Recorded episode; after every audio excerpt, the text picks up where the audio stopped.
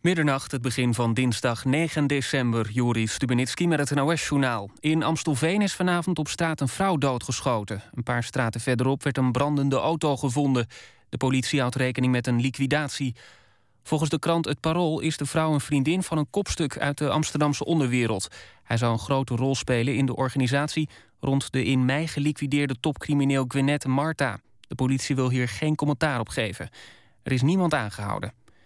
Ambtenaren van de gemeente Utrecht kunnen moeilijk wennen aan het nieuwe stadskantoor. Uit een enquête blijkt dat meer dan de helft moeite heeft met het vinden van een geschikte werkplek. 70% vindt het de hele dag rumoerig in het gebouw. Het stadskantoor opende twee maanden geleden. Er zijn nauwelijks vaste werkplekken. De meeste ambtenaren kunnen overal gaan zitten. De Centrale Ondernemingsraad vindt dat de inrichting snel moet worden aangepast. Het is onduidelijk of Onno Hoes burgemeester van Maastricht kan blijven. De fractievoorzitters uit de gemeenteraad hebben vergaderd over zijn positie, maar wilden na afloop niets zeggen. Hoes kwam vorige week in opspraak door contacten met een jonge man. Eind vorig jaar was er ook een affaire rond Hoes. Toen beloofde hij beterschap. Premier Rutte en minister Ploemen hebben een bezoek gebracht aan de Nederlandse VN-militairen in Mali. Ze gingen onder meer naar kamp Castor in Gao, waar de meeste Nederlanders zitten. Rutte noemt het werk van de blauwhelmen van onschatbare waarde voor de VN. Het parlement van Griekenland kiest volgende week woensdag al een nieuwe president. Dat zou eigenlijk in februari gebeuren. Maar premier Samaras is bang voor chaos rond de onderhandelingen over nieuwe financiële steun.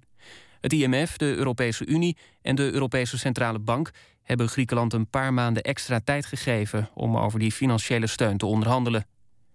Het weer, buien met kans op hagel, natte sneeuw of onweer. De temperatuur daalt vannacht tot dicht bij het vriespunt en er is kans op gladheid en mist. Overdag droog en geregeld zon. Het wordt dan 4 tot 8 graden. Dit was het NOS Journaal. NPO Radio 1. VPRO. Nooit meer slapen.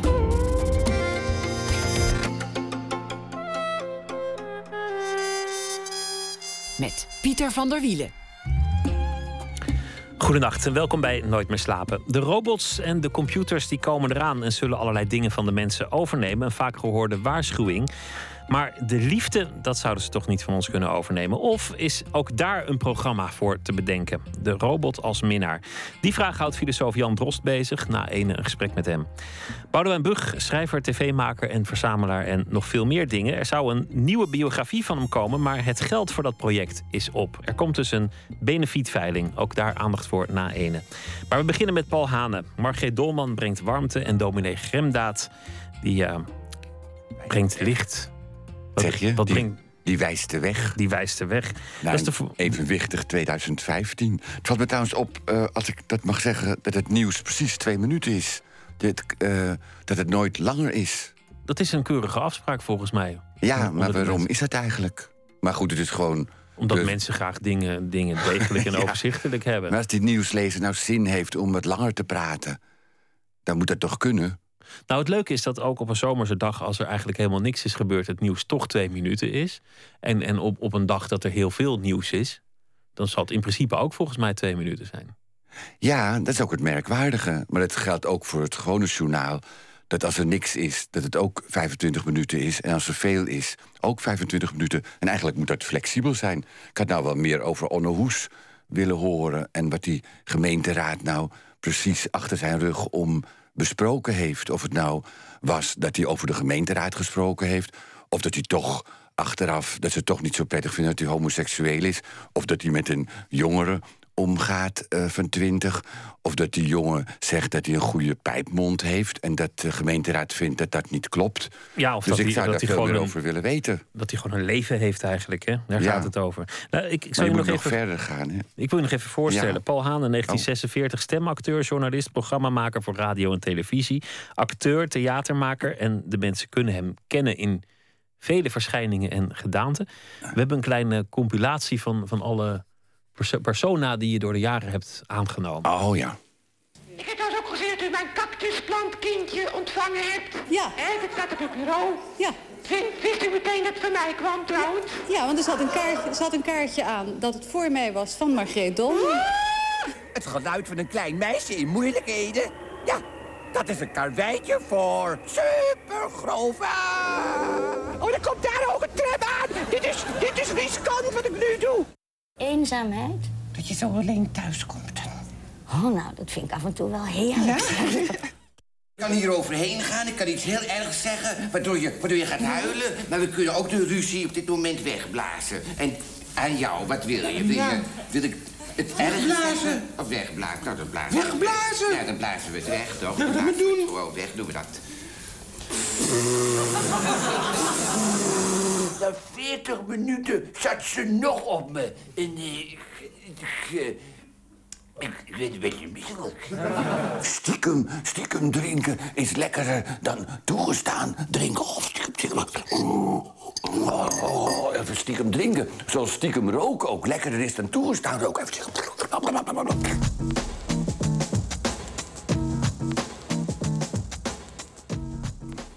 Zo, een heleboel eh, stemmen uit één, eh, één persoon. Groeien je personages met je mee eigenlijk? Jawel, tuurlijk. Dat is altijd zo dat je... ja, ik vind trouwens stemacteur, dat vind ik altijd zo'n raar begrip. Eh, Alsof een visueel acteur het zonder stem zou doen. Ja, en het is ook zo. eh, ik voel me meer schrijver eigenlijk, die ook de dingen vertolkt dan, dan dat je stemacteur bent. Maar ehm, ja, Dolman, eh, dat is meegegroeid, maar het zijn ook meer eigenlijk afsplitsingen en Dominic Gremdaad eh, ook. Ehm, maar eh, ja, hoe, hoe, ja, hoe is het meegegroeid eigenlijk? Ja, met jezelf. Afsplitsingen van jezelf zijn het gewoon. Zijn Ja. allemaal kanten van jou. Ja, ik maak nooit een, een vrouw belachelijk... of ik maak nooit via Gremdaad een dominee belachelijk. Je gebruikt eigenlijk een beetje de vorm van een dominee. Daarom vinden dominees het ook altijd leuk. Maar ik heb het ook nooit over het geloof eh, als Gremdaad. Ik eh, verkondig meer een boodschap, zoals veel cabaretiers doen. Alleen eh, noem ik mezelf dan dominee Gremdaad... eh, als ik boodschappen ga verkondigen. En als ik sentimenteel word of zogenaamd gevoelig of wispelturig... dan noem ik mezelf Margreet Dolman. En het zijn allemaal kanten van jezelf. Dat dat zijn Ja. eigenlijk die twee allebei. Super Grover is, is natuurlijk voor de kinderen, maar dat is, dat is echt een held die mensen wil redden. Maar- ja, en waar het ook bij mislukt ook natuurlijk. Supergrover, die, die komt altijd te laat. En, die, en iemand anders die geeft de tip. En Grover doet altijd net of het zijn tip is. Maar dat is ook wel, ik vind echt, dat is Sesamstraat. En dat, eh, het, uit Amerika komt dat. eh, en dat is eh, enorm geestig. En ook voor de kinderen heel, leerzaam. Dat je altijd met iemand geconfronteerd wordt als eh, Grover. die jou niet wil begrijpen. Dus als je in een restaurant bent.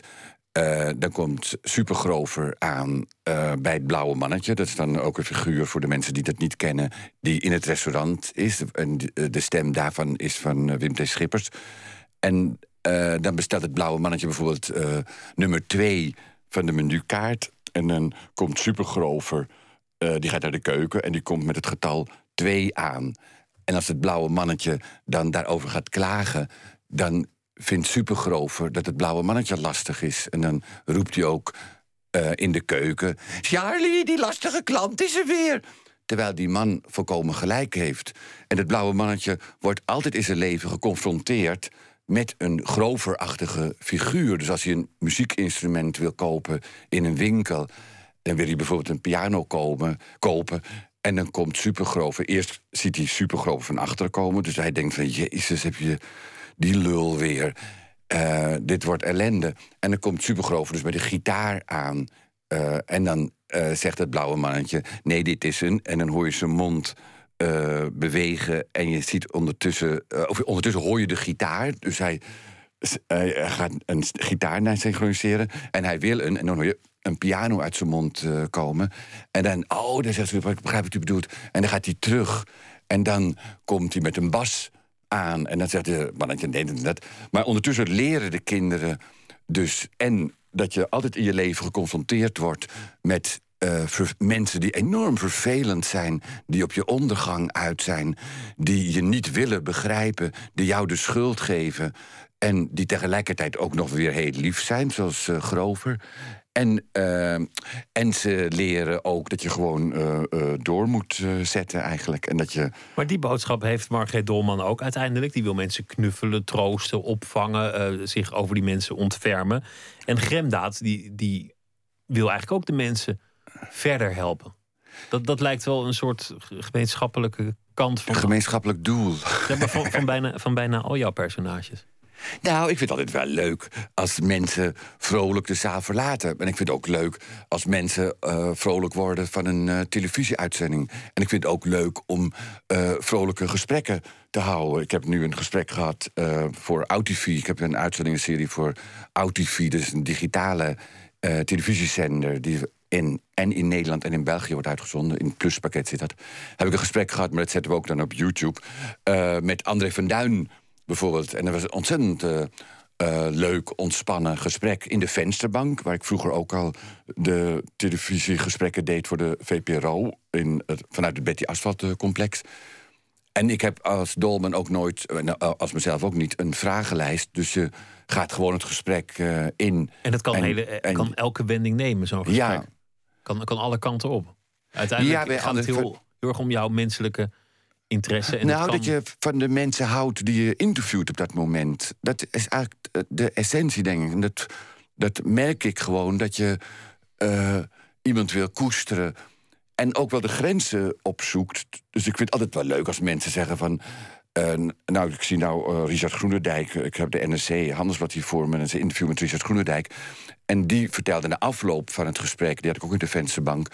Uh, dat hij eh, zo zich voorgenomen had om niet leeg te lopen... en dat hem toch overkomen was. Maar tegelijkertijd ook ja, blij was en opgelucht. Dat vind ik het fijne bij televisie. Dat ze nooit na afloop zeggen van mag ik het van tevoren zien. Terwijl dat bij de kranten en uh, ik heb voor de HP, HP de Tijdenserie interviews gedaan... die willen het allemaal lezen en dan gaan ze toch allemaal zeuren over kleine dingetjes. En bij televisie ja, heb je het spontane en het enthousiasme en, de, en, en ja, mensen die, die vinden het prima, terwijl ze toch meer zeggen dan ze van plan zijn. En ik ze zelf wel bescherm door, door dingen eruit te halen van ik denk van ja, wat schieten ze daarmee op als dat uitgezonden wordt? Ik heb uh, heel veel dingen teruggekeken die je hebt gemaakt. Die zijn ook allemaal in een handige uh, box verzameld. Het begon heel journalistiek eigenlijk. Gewoon met, met vraaggesprekjes. Je zou het kunnen vergelijken met de jaren zestig versie van wat nu Po-nieuws is. Misschien, misschien iets minder chagrijnig, maar dat brutale, dat vlerkerige, dat zat er wel degelijk een beetje in. Waarbij jij speelde met je onschuld. Waardoor mensen dachten, nou ja, dit, dit kan toch ook niet nooit heel erg zijn. En dus dingen zeiden die ze anders misschien nooit zouden zeggen. Maar al vrij snel sloop het absurdisme erin en, en, het, en het drama. En, en werd het veel theatraler. Maar is, is die journalistiek toch nog steeds een soort basis van je werk? Jawel, dat is nog steeds bij de theatervoorstellingen, maar ook bij de televisieuitzendingen. bij de theatervoorstellingen, uh, dus Margedon begrijpt het, Domin Gemmet wijst de weg... Uh, vraag ik ook mensen uh, om een belevenis op papier te zetten. Dus wat ze het afgelopen jaar hebben meegemaakt. En dat mogen ze dan in een mandje stoppen. En Damien Vergeest, mijn vriend en medeoprichter van het Betty Asphalt Complex... die zoekt dan een aantal mensen uit. En die mogen dan na de pauze op het toneel hun belevenis vertellen. En dat is altijd uh, heel mooi. En dat komt ook, dat, dat soort dingen. Kijk, normaal is het hartstikke leuk om in grote theaters op te treden, ook waar duizend man in gaan. Maar met die belevenissen, dan uh, komt het in een klein theater, in, in Betty Asphalt, het best tot zijn recht. Want dan voel je ook een soort familie. En helemaal de decembervoorstellingen, dan komen hele gezinnen elke jaar terug. En soms ook op dezelfde datum. Dus dan uh, neem je gewoon het jaar door met een soort uh, groep. En het heeft niks religieus. We hebben, ik hou helemaal niet van kerst, dus we hebben helemaal geen kerststakken. Ook, en we doen helemaal niks aan kerst. En, en ook niet een oud en nieuw. Maar we hebben wel de sfeer van terugblikken en vooruitkijken. En dan vind ik het leuk als mensen op het toneel komen en, hun, en een belevenis vertellen. En het worden soms best bekentenissen. Jawel, we hebben het wel eens gehad dat twee mensen voor de pauze vroeg dan als gremdaad uh, nou, wat ze gegeten hadden, of hele simpele vragen. En, en, ik heb wel gehad dat er een echtpaar 40 jaar getrouwd was... en ik de man vroeg... Uh, er zal in die 40 jaar ook wel eens iets vreemds... of, of zou wel eens een zijweg zijn ingeslagen met een andere vrouw of zo. Nee, zei hij, nee, dat heb ik nooit gedaan. En die vrouw knikte meteen van, jawel, heb je wel gedaan.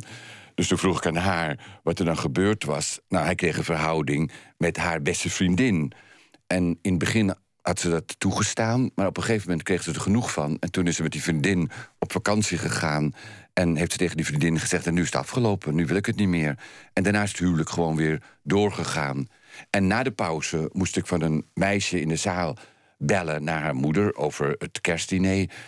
En die moeder was ook 40 jaar uh, getrouwd. Dus ik vroeg aan haar: van, Nou, we hebben net iemand uh, in de zaal gehad. En uh, ja, die man was wel dus een, een zijslag, zijweg ingegaan. Oh, ze ja, dat was bij ons ook gebeurd. Ik zeg: En hoe reageerde u daar dan op?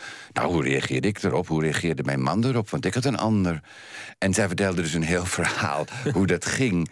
En toen vroeg ik na afloop van het gesprek aan die aan haar dochter, die in de zaal zat. Wat vonden jullie daarvan dat je moeder een ander had? Wisten jullie dat? Ja, dat wisten we wel. En wat vonden jullie daarvan? Ja, zei ze, we vonden dat prima, want papa zei... laat mama nou maar lekker het weekend weggaan... want dan komt ze daarna weer vrolijk thuis. En dat vond ik heel mooi, want je voelt die zaal... Die moet zelf een conclusie trekken. Je hebt geen deskundige. Het is niet de wereld door met een deskundige erin... of vreemd gaan mag en hoe je het oplost. Maar die zaal die moet zelf de conclusie trekken. En ik trek niet de conclusie, want ik vind het, uh, ja, als iedereen daar uh, uh, vrede mee heeft, waarom zou je het dan niet doen? Maar de ene helft van de zaal die denkt van, zie je, het kan dus wel. Je mag getrouwd zijn en ook nog een verhouding met een ander hebben. En de andere helft die denkt van, nou, dat moet mij niet gebeuren. Daar staat veel om te doen over de moraal, want je, je begon er net al mee op, op basis van het radionieuws. Zo beginnen veel van jouw voorstellingen gewoon met de krant, improviserend. Hardop ja. de krant lezend en dan vallen die dingen jou op en dan komt het eigenlijk gewoon vrij snel aanwaaien. Je begon net over, over de kwestie hoes. Ja. Dat is een fascinerende kwestie natuurlijk. Ja. Omdat dat, dat er zoveel opwinding is en, en waarom eigenlijk? Nou ja, het is natuurlijk toch... De, de, de jongen is natuurlijk slecht door uh, uh, Hoes uh, te verleiden. Hoes zelf klopt denk ik ook helemaal niet in die situatie. Want je bent je kunt niet zeggen als burgemeester dat je een privéleven hebt. Je bent altijd burgemeester. En als hij uh, met uh, uh, hoe heet het, Albert Verlinde. Als Albert Verlinde met een boek uitkomt, Mijn leven met Onno. ja, dan moet, je, dan moet je ook weten. dat wat er s'nachts gebeurt tussen hem en Albert, dat het ook wel eens gepubliceerd kan worden. Dus je blijft altijd burgemeester. Zoals Willem-Alexander altijd koning blijft en Maxima altijd koningin. Dus je kan nooit dat privéleven, dan moet je niet voor het vak kiezen. Dus het privéleven, dat kan je nooit helemaal gescheiden houden. Ja, of gewoon ergens anders. Dat snap ik nooit goed, dat het dan in Nederland moet. Ik bedoel, ga dan gewoon naar... Uh, het is twee uur met de trein of drie uur met de trein naar Parijs... of een uurtje naar Keulen of, of je neemt de vliegtuig naar Londen... En, en wie weet dat het dondert in Keulen. Jawel, maar dat lekt dan ook uit. Je moet gewoon, een, ik vind dat je gewoon dan en uh, dat, je, dat je dat wel een beetje onder. Dat je er rekening mee moet houden. Helemaal als je in een café bent, dat het gefilmd wordt. En uh, tegenwoordig weet je dat. Hij weet het van zijn vriend Albert Verlinde, die ook foto's heeft uh, laten zien, geloof ik, van Jort Kelder toen met. wie was het ook weer? Nee, nee het, was, het was juist niet Jort Kelder. het was iemand anders. Oh, het is iemand anders. Ja, het was heel iemand anders, ja. Maar ja, goed. Oh, was niet Jort Kelder. Nee, dat was nog net de, de hele kwestie. Maar hoe zou je dit, in, je, oh. hoe zou je, dit in je voorstelling We, we, we bevinden ons nu op gevaarlijk terrein. Hè? Uh, hoe zou ik het in mijn voorstelling aanpakken? Dan... Uh, nou, ik, vond, ik heb wel uh, als Gremdaad ook het, uh, een column doe, ook een Gremmet-column voor YouTube, in principe elke week, ook over de scheiding van Albert Verlinde. Wat ik heel leuk vond, dat Albert Verlinde smiddags een persbericht maakt samen met Onno, van Hoes, dat naar RTL Boulevard stuurt, naar de redactie, dan even later op de redactie komt en dan tegen de redacteuren zegt, nou, ik krijg nou toch zo'n idioot persbericht, Albert Verlinde en Onno Hoes gaan scheiden. En dat de redacteuren dan zeggen van, ja, dat ben je toch zelf? En dat hij dan zegt, ja, maar dat maakt het allemaal nog veel erger. Dus dat, die, dat je in een zo bizarre wereld, absurde wereld terechtkomt. Dat je je eigen echtscheiding op tv moet bekendmaken. Ja, en dat hij ook een, pers, een persbericht voorleest over waarom ze uit elkaar gaan... in zijn eigen programma over zijn eigen man. Is en dat de hele pers dat ook aanvaardt. Dus dat het journaal, het zes uur journaal, het groot brengt. Dat RTL Boulevard brengt uh, waarin Albert Verlinde zegt dat hij gaat scheiden van Onno Hoes. En dat brengt het journaal dan weer. En daarna komt het in alle kranten te staan. Dus ik vind het wel komisch. Het is een wonderlijke wereld. Is, is dat ook misschien waarom jij um, je bedient van personages? Want je kunt, kunt hele persoonlijke dingen vertellen zonder dat je in een soort Albert Verlinde situatie komt dat je je eigen huwelijksperikelen moet voorlezen op een podium. Nee, maar ik ga ook in maart ga ik weer met een eigen voorstelling komen, Hane Centraal. Dus ik vind het ook weer leuk om zonder eh, personages eh, op het op, uh, toneel te staan. Dat is ook wel weer eens bevrijdend. En ik vind het ook leuk. Kijk, ik vind het hartstikke leuk om dialogen te schrijven, om toneel te schrijven. Ik heb ook wel weer zin om een nieuw toneelstuk te schrijven. Maar de, de, dus de afwisseling, dat vind ik eigenlijk het leukste. Ik heb ook wel eens toneelstukken geschreven die ook op de dag zelf nog uh, actualiteiten, actualiteiten zouden kunnen bevatten. Maar dat wordt weer lastig met acteurs, omdat die dan steeds weer nieuwe dingen uh, moeten doen. Maar bij uh, een stuk wat ik geschreven heb voor Mike Staring en Jeroen Bos in bed Fijn Toef over twee mannen die in bed liggen. Daar heb ik zowel de krant van die dag laten bespreken, ook elke avond dus een ander nieuws. We gaan luisteren naar muziek. Een zangeres die eigenlijk lerares Nederlands is op een gymnasium. Ze komt uit Utrecht. Vorige week hadden we een interview met haar. ze heeft een album uit Chinees Indie Specialiteitenrestaurant. Het is een album uit 2013, maar nu is er een deluxe versie van. We luisteren naar Afke Romein met het nummer Karakter.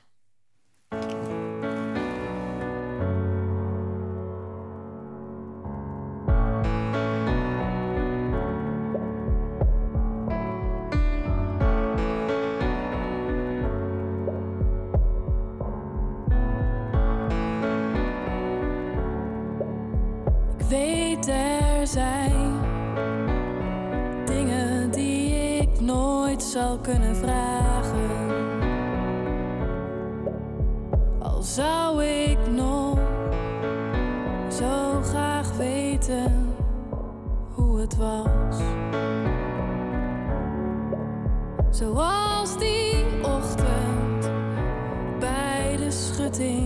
De zon scheen en je zei dat je even sigaretten ging halen op de hoek. En ik wist van tv dat dat meestal betekent dat je nooit meer terugkomen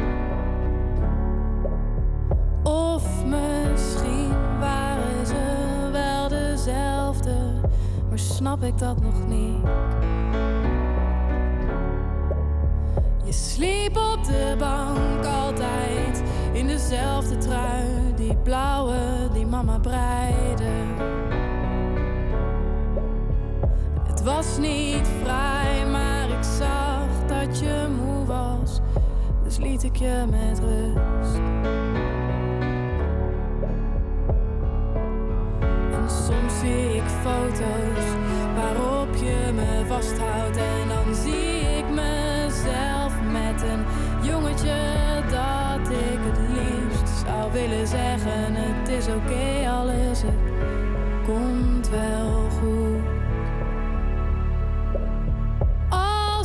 Toch eens wist hoe het is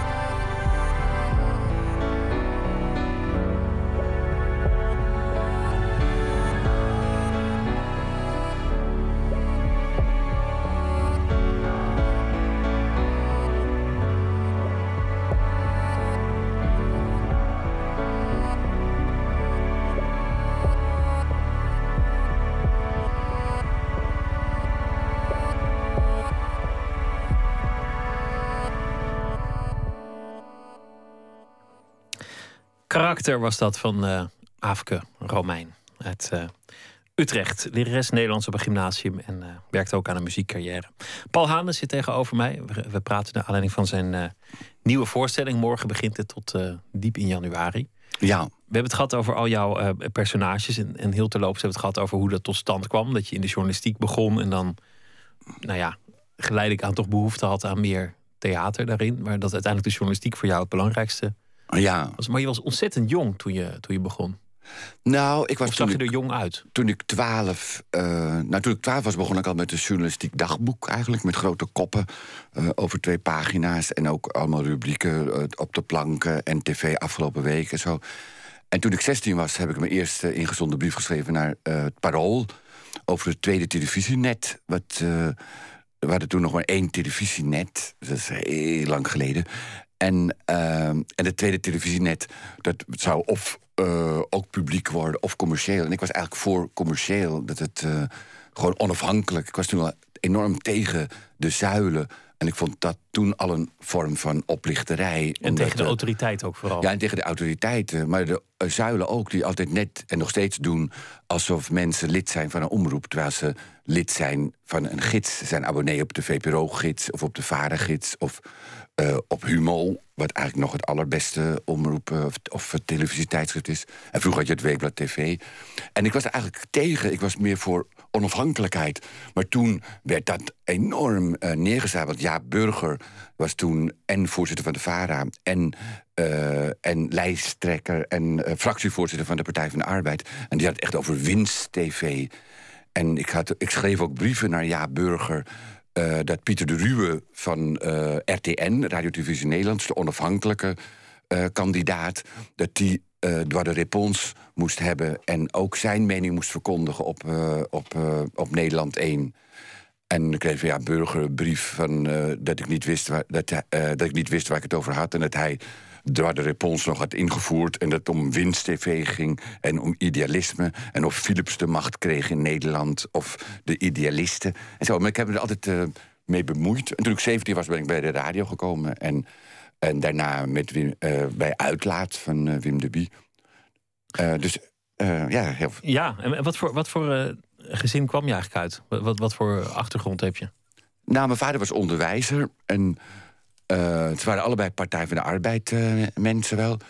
En mijn vader was een, een onderwijzer, is later directeur geworden van het Pedagogisch Centrum in Den Haag. En is nog gepromoveerd op een proefschrift van, van kleuter tot lagere schoolkind. Wat verplichte leerstof was ook voor de, voor de, voor de hoe het, niet de kweekschool, maar de, hoe noem je het?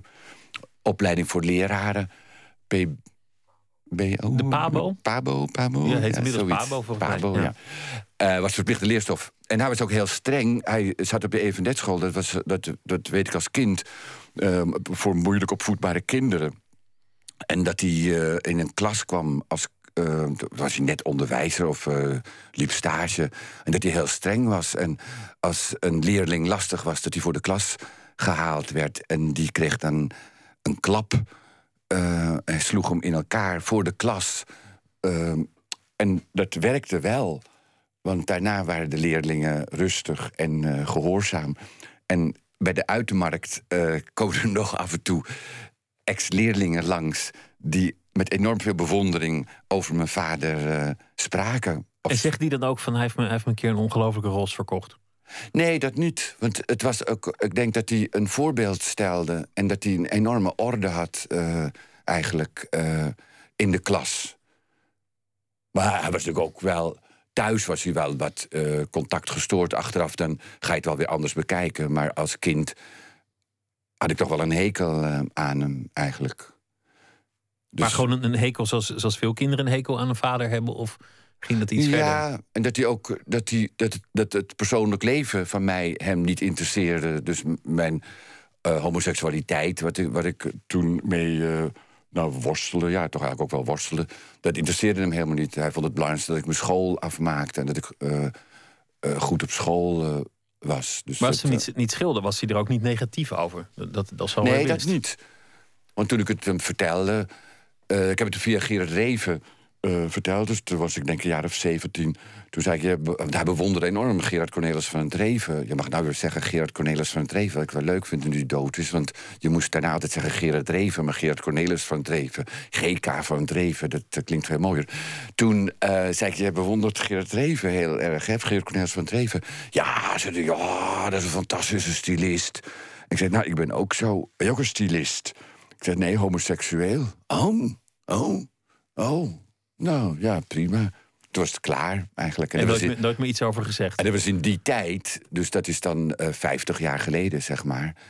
was dat veel, eh, ja, veel moderner. Dat hij, eh, dat hij... Nee, daar nooit meer iets over gezegd, nee.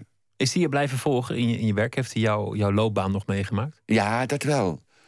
Ook toen ik met Frans Halsema een radioprogramma had, nu hoor ik het ook. ehm, eh, waarin we bijvoorbeeld eh, de serie van Willy van Hemert, De Weg, was, een beetje een, een, eh, ja, een onzinnige televisieserie. eh, met veel hypocrisie, veel dingen die niet uitgesproken werden. En Frans Halsema en ik die hadden een parallelserie, Kwellingen... waarin alles wat er niet in de televisieserie gezegd werd... wel bij ons gezegd werd. Dus dat de vrouw werd in de televisieserie gesuggereerd dat ze iets met de pastoor had. En bij ons was ze meteen in blijde verwachting. En dat eh, viel op een gegeven moment in het verkeerde keelgat van de vrouw van de directeur van de KRO. Want zo ging het toen, en zo zal het nog wel gaan. En toen moest het programma stoppen.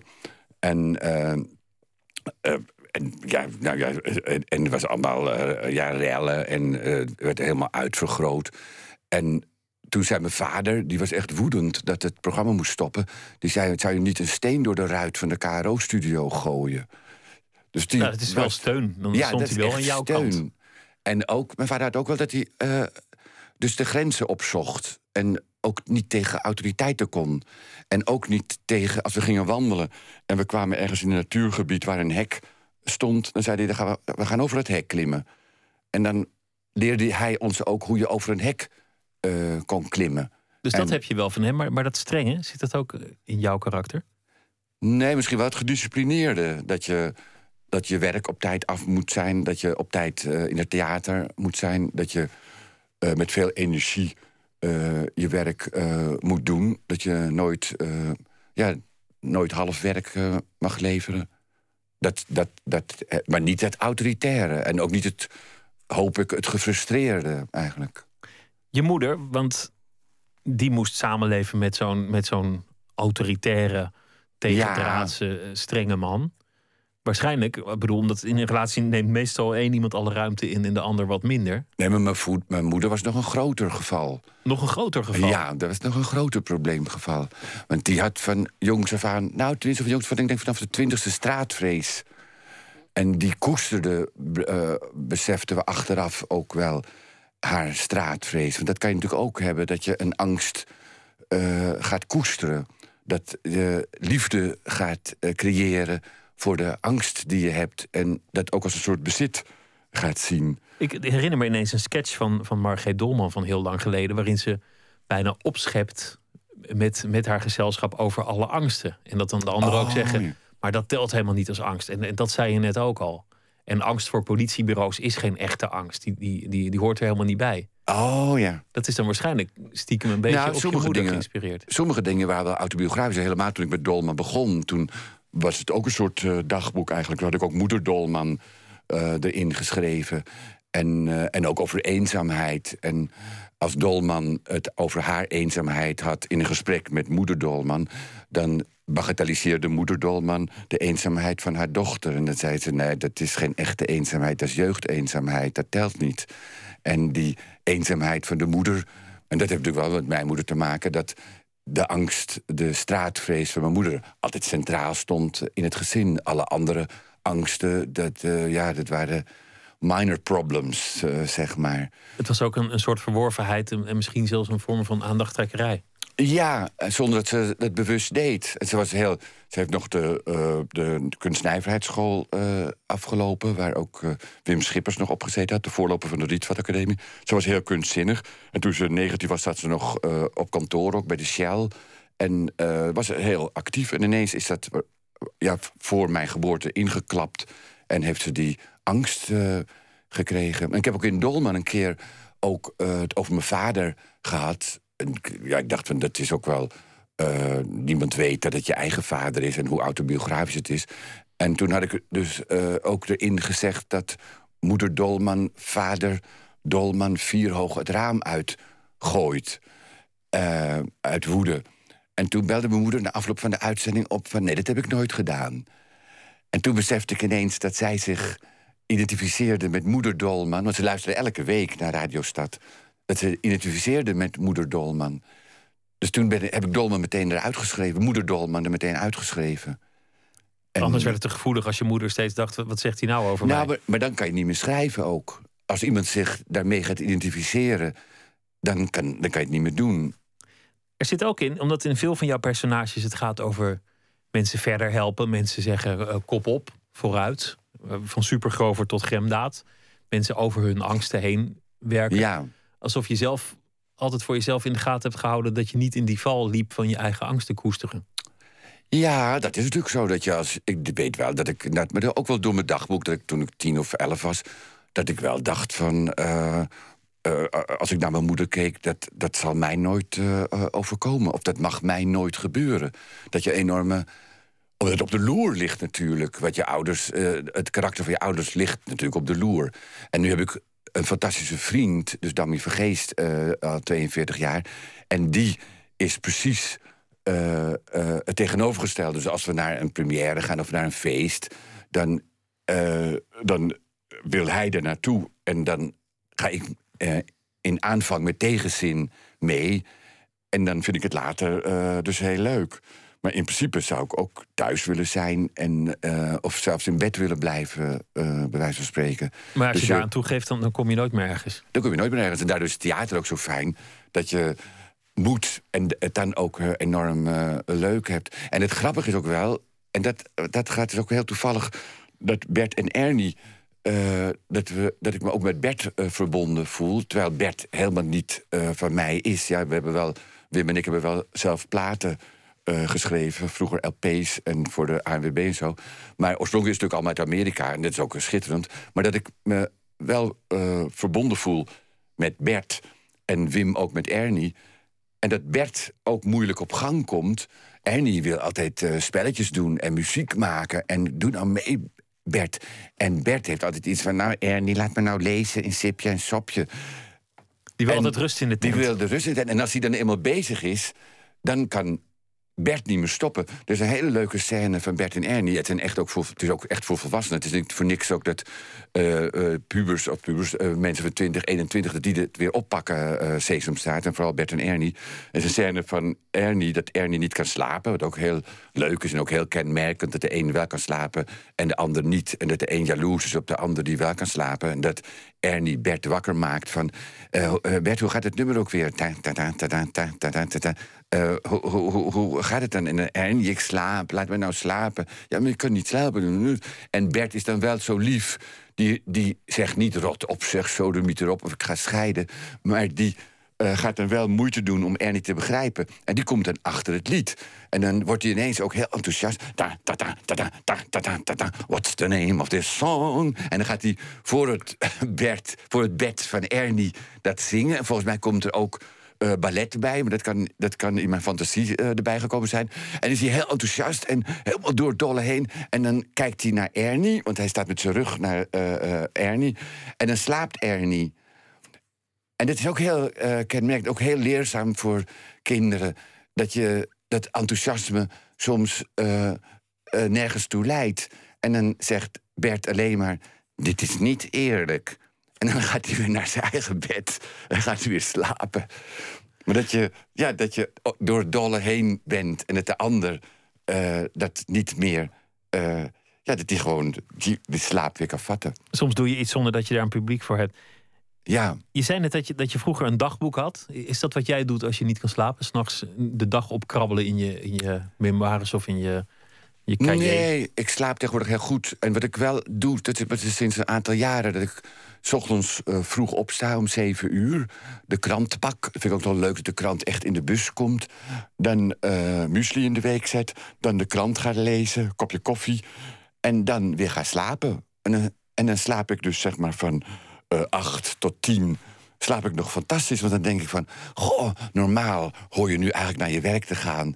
En, eh, en ik kan gewoon nog weer slapen. En droom je dan ook over, eh, over alles wat er in die kranten staat? Nee, dat niet. Maar de, de, de, de ochtendslaap die is vaak dan nog weer beter en bevrijdender dan de, dan de, de eindnachtslaap. De eindnachtslaap, dan denk je van ik wil nou opstaan. En als je dan opgestaan bent en je gaat daarna dus na koffie en eh, kranten lezen weer slapen... dan heb je ook iets, eh, ja, een, een eh, cadeautje wat je nog eh, krijgt. Een Dat is wel toegift. aan te bevelen voor mensen. Niet al te prijzenswaardig over slaap praten, want daar houden we geen luisteraar meer over zometeen. Dan denk je allemaal, oh ja, van, lekker. Nee, maar dan kan je ook laat naar bed gaan. Als je toch niet vroeg op hoeft. Dan ga je gewoon, ik ga toch wel meestal twee, drie uur naar bed. En dan wel vroeg op. En dan weer gewoon doorslapen. We gaan luisteren naar eh, muziek van een eh, Britse zanger die door de BBC wordt eh, aangeraden als het talent van 2015. Drie EP's heeft hij uitgebracht en het nummer dat wij draaien is Let It Go. Hier is James Bay.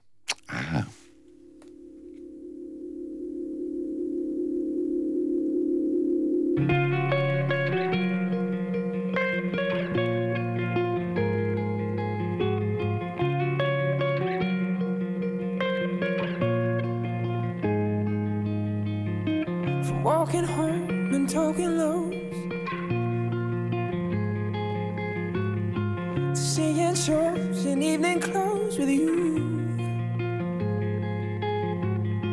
From nervous touch and getting drunk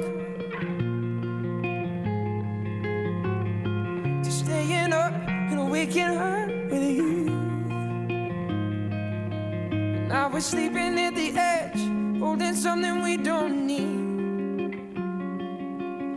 this delusion in our heads is gonna bring us to our knees.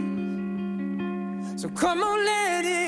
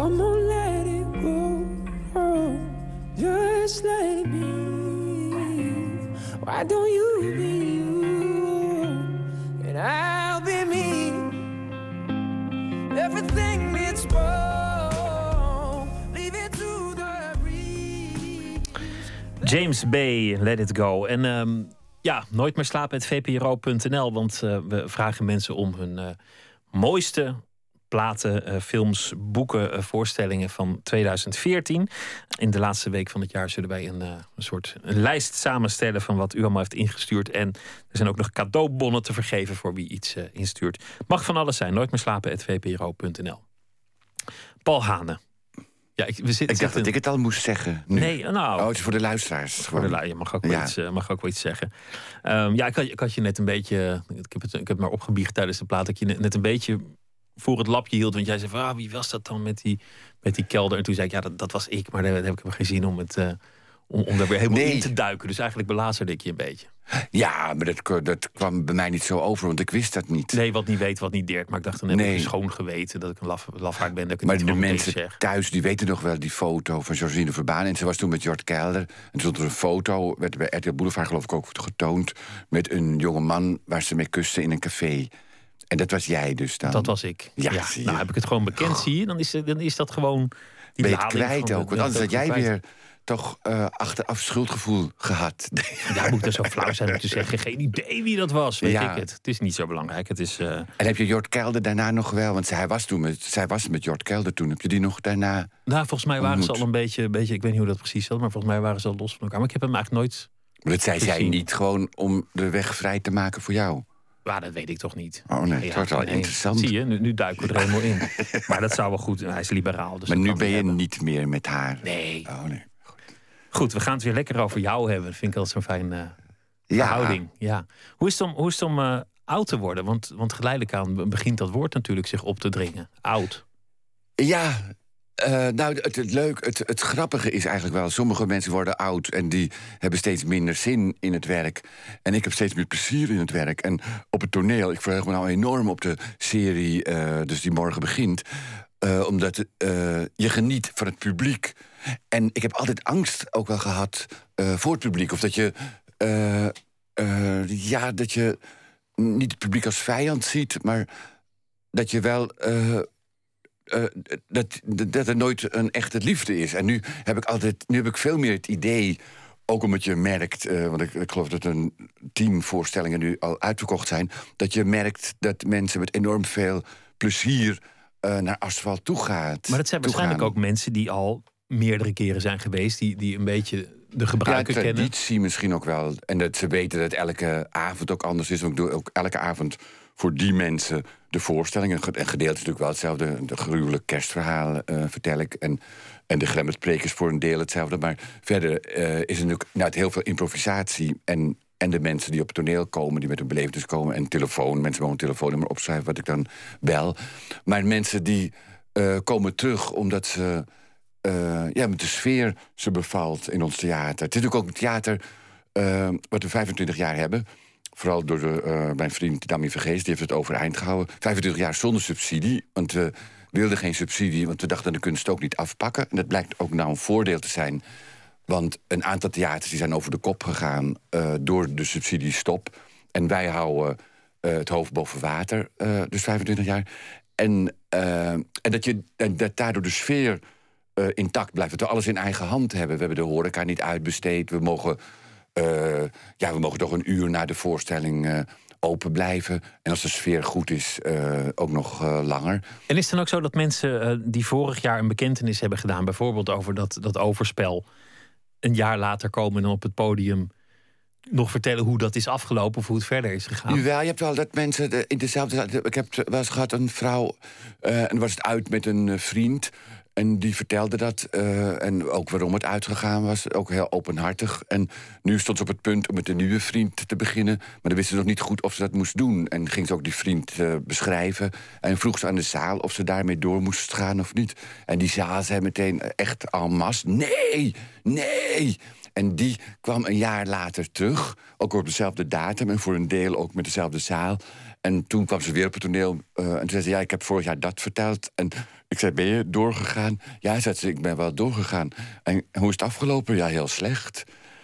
Dus ze had naar die zaal moeten luisteren. Maar het is toch wonderlijk, hè? Hoe, hoe makkelijk mensen over eh, al hun ontboezemingen praten. En Ja. makkelijk ze de hele uh, ratsmodee op tafel gooien. Maar het gaat soms over hele zware dingen. En ik ben altijd blij dat de hele zaal ook eh, geïnteresseerd is in de mensen die op het toneel hun verhaal vertellen. Dat ze niet denken van, ah, daar heb ik helemaal geen zin in. Dus dat de zaal ook journalistiek ingesteld is. Dat ze goed luisteren en dat ze echt uh, meeleven. Maar je hebt ook luchtige verhalen. Er was een vrouw van over de tachtig en die viel steeds uh, van de fiets, vertelde ze. Dat ze en dat ze nooit iets brak. En dat was het, het, uh, de belevenis die ze vertelde. Dat ze altijd viel uh, en nooit iets brak. Dus ik zei, nou, zullen uw vriendinnen jaloers zijn. Nee, zei ze, die zijn allemaal dood.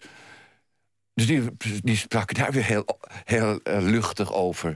En, uh, en daarna ging ze weer terug naar de zaal. Dus mensen hebben ook al zelf een relativering vaak. Maar kun jij um, vanuit Margreet Dolman, vanuit Gremdaad of, of vanuit jezelf altijd nog iets positiefs vinden voor iedereen? Want, want heel veel dingen zijn gewoon heel ellendig. Al je vrienden zijn dood.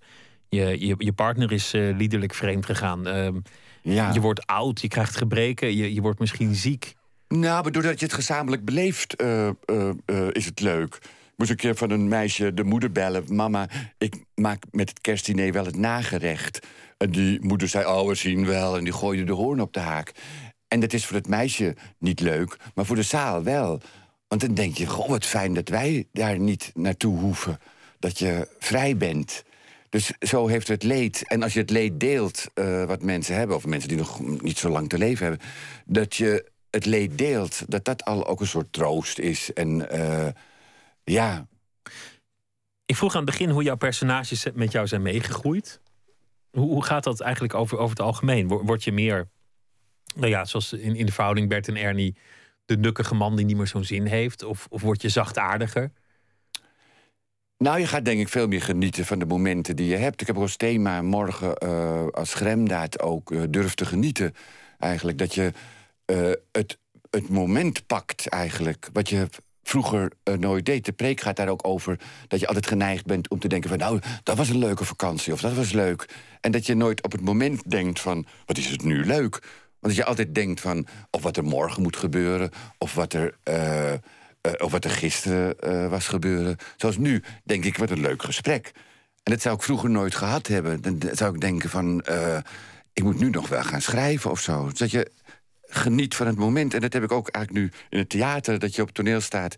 en dat je dus inderdaad geniet van het moment. Maar heb je geen angst voor, voor wat komen gaat? Dus de gebreken, het verlies van mensen in je omgeving, de dood... Ja, natuurlijk, dat, dat, dat heb je altijd wel. Dat je uh, denkt, uh, ja, Wim Schippers... Uh, die ontmoet ik wel eens bij een begrafenis van een van onze vrienden. En dan vraagt Wim altijd van, hoe lang moet jij nog? en dat heb je wel, dat je denkt van... ja, maar aan de andere kant, omdat je meer geniet... en, en je bewuster bent van het tijdelijke heb je het eigenlijk leuker uh, dan ooit, denk en je bent ook nog heel productief, want je zei net dat je die, die tv-uitzendingen maakt achter de decoder. Dat je nog op uh, het web filmpjes post met ja. een zeer grote regelmaat. Deze show die komt eraan, Gemdaad en, uh, en Dolman. Ja. Je maakt nog een, een voorstelling als jezelf, gewoon ja. Paul Haner, dat komt er ook aan. Plus nog allerlei andere dingen die je, die je doet over theater, hommages, interviews, journalistiek werk. Je lijkt ja. onvermoeibaar.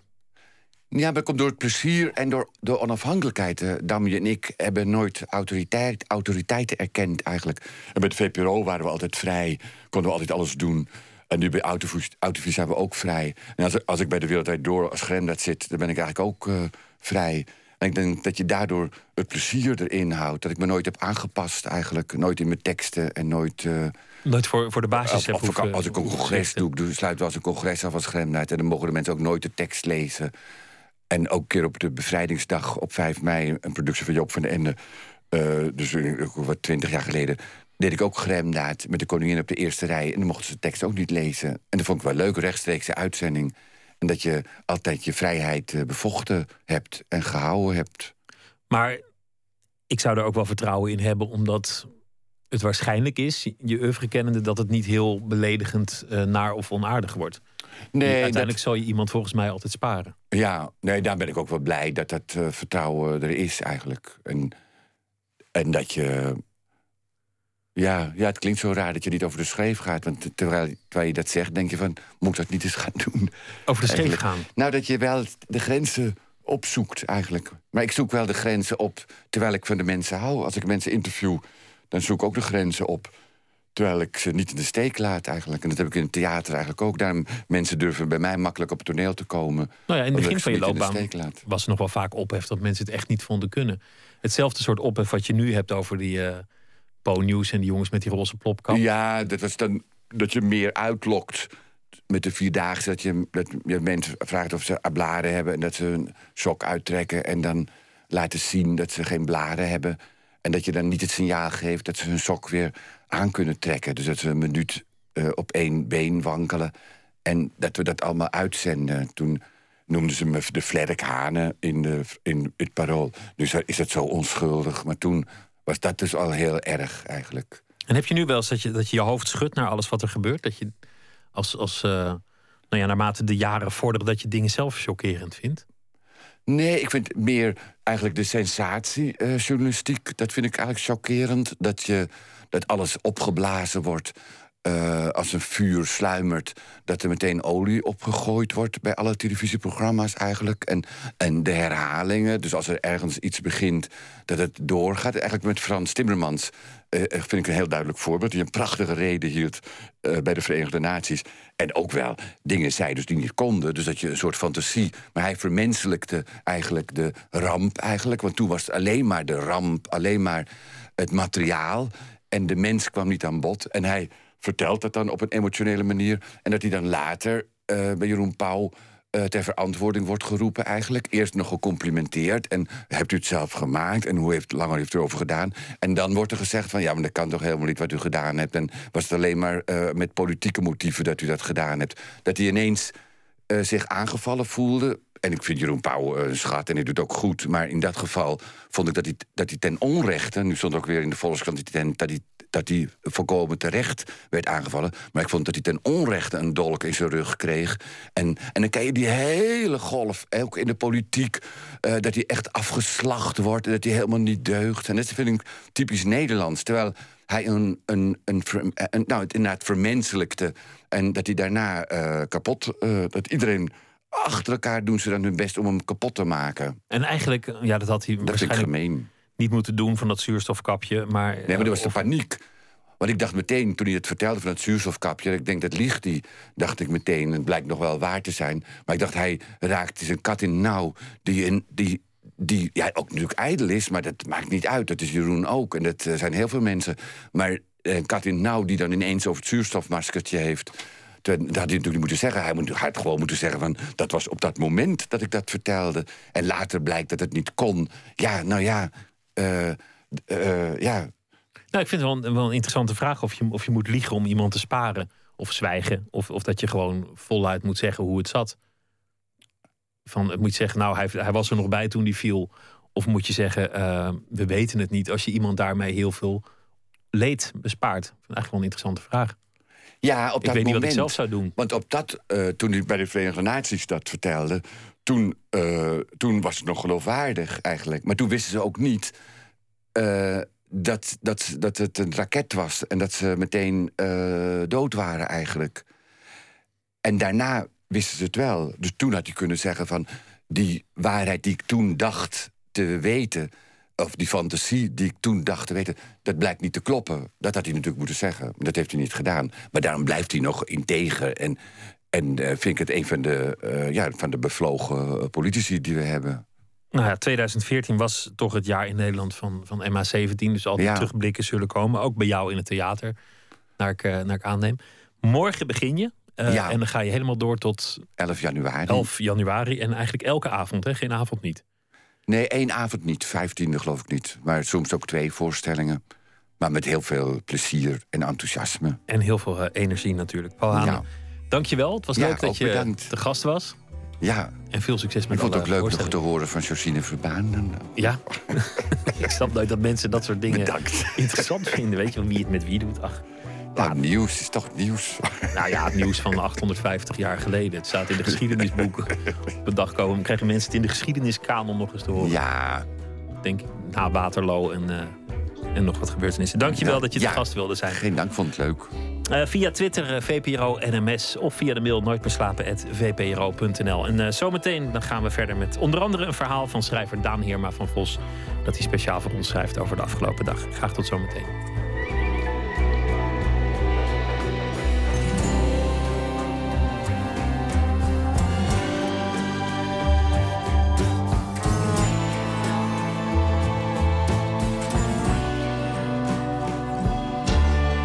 Radio 1, het nieuws van alle kanten.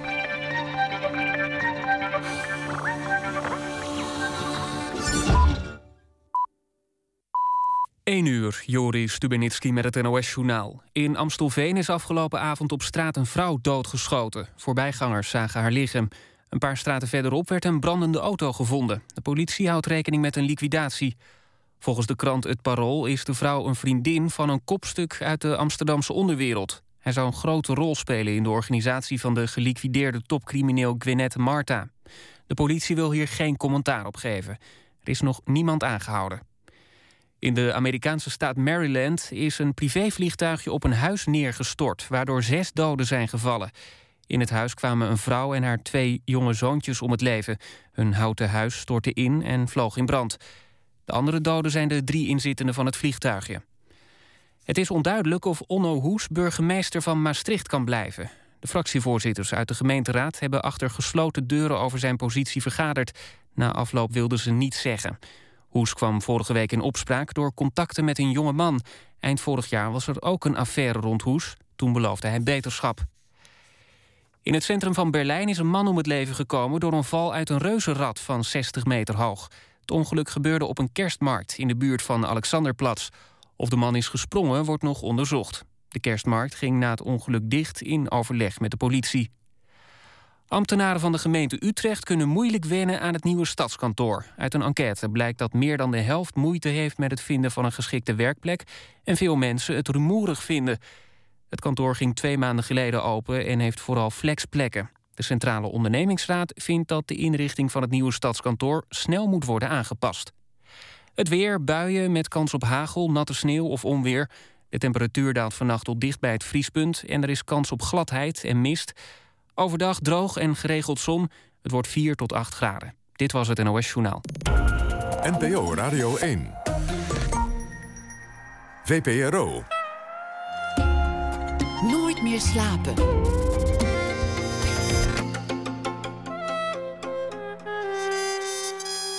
Met Pieter van der Wielen.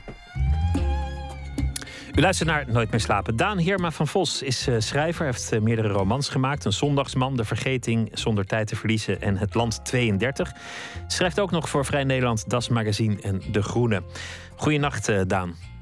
Goedenacht. Deze week schrijf je elke dag een verhaal voor ons dat je s'nachts zult voordragen over iets dat je die dag is opgevallen in de wereld of in het leven.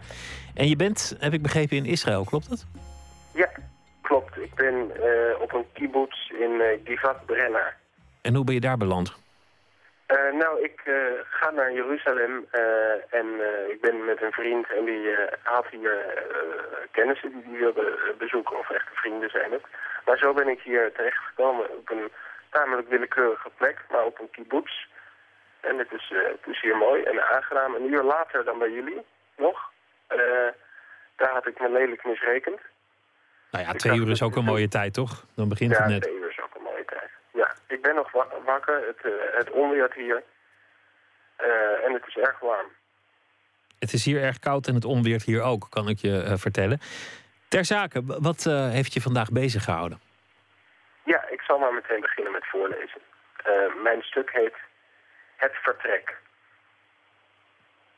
Een bevriende stewardess waarschuwde me voor El Al de Israëlische vliegtuigmaatschappij waarmee mijn vriend Casper en ik vandaag vliegen.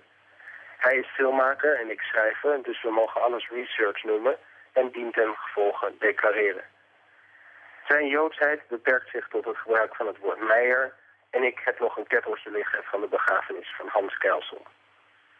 De stewardess zei me dat vliegen met El Al het luchtvaartequivalent is van met een schietschijf op je rug door oorlogsgebied rennen. Mijn schoonmoeder, of hoe je zo iemand ook noemt, had het over El Knal. Mijn vriendin zelf zei het me nooit te zullen vergeven als ik omkwam. Hoe zal dat dan in zijn werk gaan, informeerde ik. Ik ben dan immers dood. Ze zou mijn vader eindeloos lastigvallen met onzinberichten, zei ze onheilspellend. Bloedvraag, Barlees-stijl. Ik had juist andersom, andersom geredeneerd. Vliegtuigmaatschappijen zijn doorgaans zo goed als de geheime dienst van het land waarvoor ze vliegen. Hoe beter geïnformeerd de dienst is, hoe beter de vliegtuigmaatschappij op de hoogte is van de risico's van haar vluchten. El Al, in de rug gesteund door de Mossad, wist bijvoorbeeld al lang dat het gevaarlijk was om over het deel van Oekraïne te vliegen, waarboven de MH17 van informatie voorzien door, door de buurtvaders van de AIVD werd neergeschoten. En op elke El Al-vlucht zijn tenminste vier ex-militairen van het Israëlische defensieleger tegen mogelijk, mogelijke kapingpoging. En elk van hun vliegtuigen maakt gebruik van een eigen raketafweringssysteem. En zo'n systeem kost bijna 40 miljoen dollar per stuk. Het was duur, dus ik ben veilig. In de dagen voorafgaand aan mijn vertrek kreeg ik vrijwel dagelijks krantenberichten van aanslagen doorgestuurd. Foto's van bloed in de goot en ledematen die als afgebroken takken op straat liggen. Mijn gedachte bij elk van die berichten, het is maar goed dat ik geen annuleringsverzekering heb afgesloten. Daders van de aanslagen staan te boek als wanhopige eenlingen. Een categorie mensen waarmee ik me zeer verwant voel, maar in hun manier van aanpak zie ik weinig.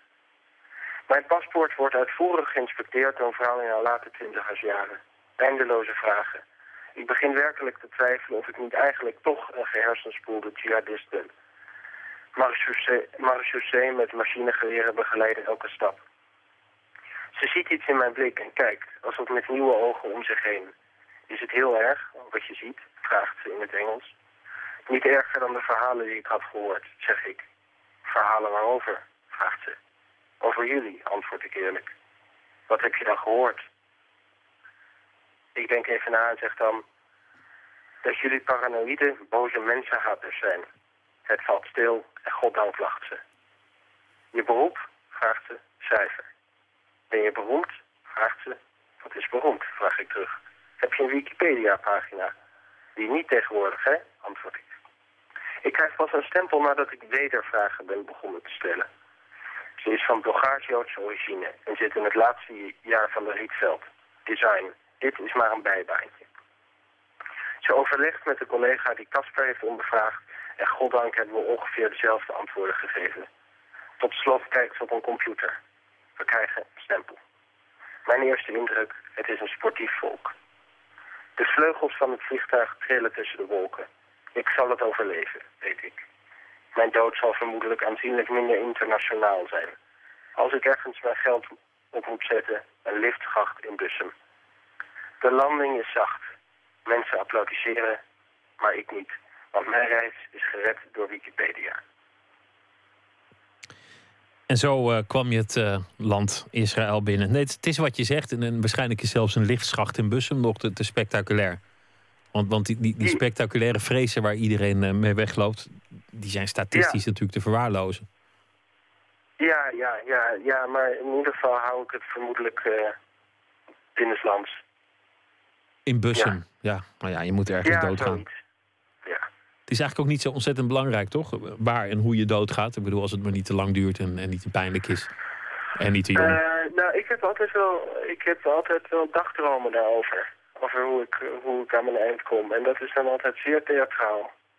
Uh, het, het, uh, ik vind altijd mooi dat, geloof, het is geloof ik in de Royal Tenenbaums, dat um, vader Tenenbaum op zijn grafsteen heeft laten zetten dat hij uh, om het leven kwam bij het uh, redden van een groot aantal wezen op een zinkend schip. Dat heb ik altijd wel inspirerend gevonden. Een heldendood, ja. Ja, zoiets. Ja, veel, en, veel en, mensen willen in, in bed met een jonge dame.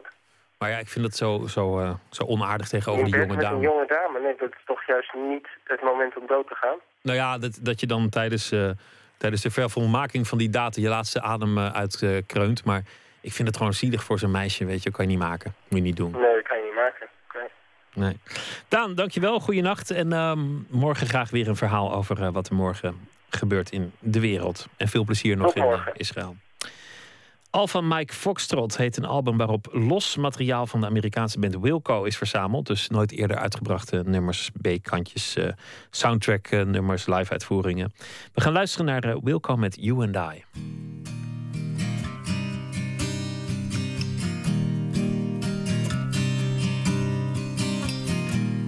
You and I, we might be strangers. However close we get sometimes, it's like we never met. But you and I, I think we can take it. All the good with the bad, make something that no one else has but you and I,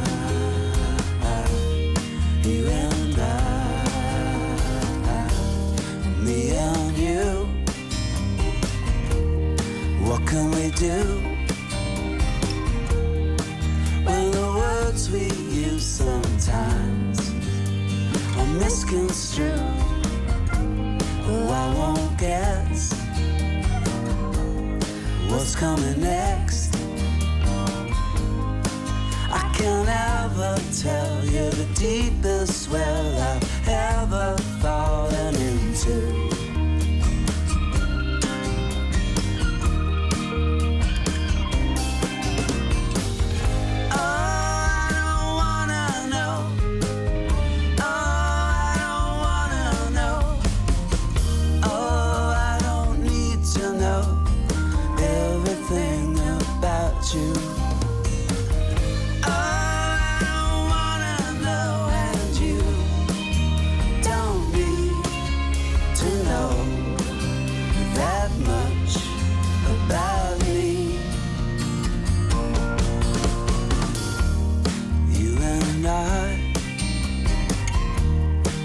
Be strangers. However close we get sometimes, it's like we never met.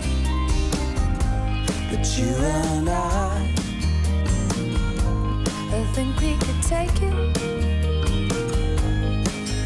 The good with the bad, make something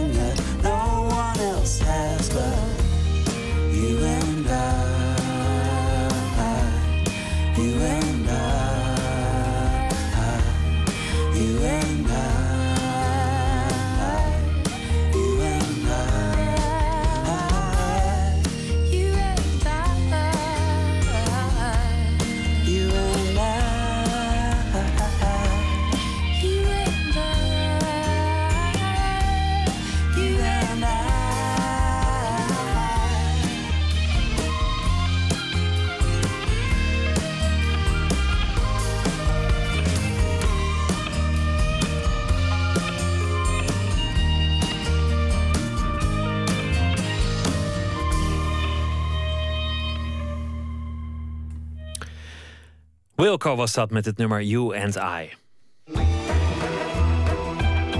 Nooit meer slapen.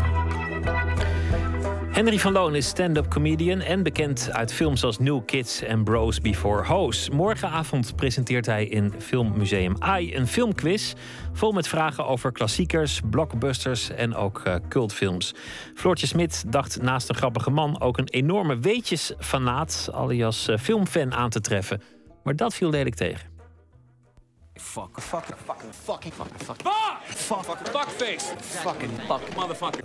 Ik wilde dus eigenlijk beginnen met uh, het testen van jouw filmkennis.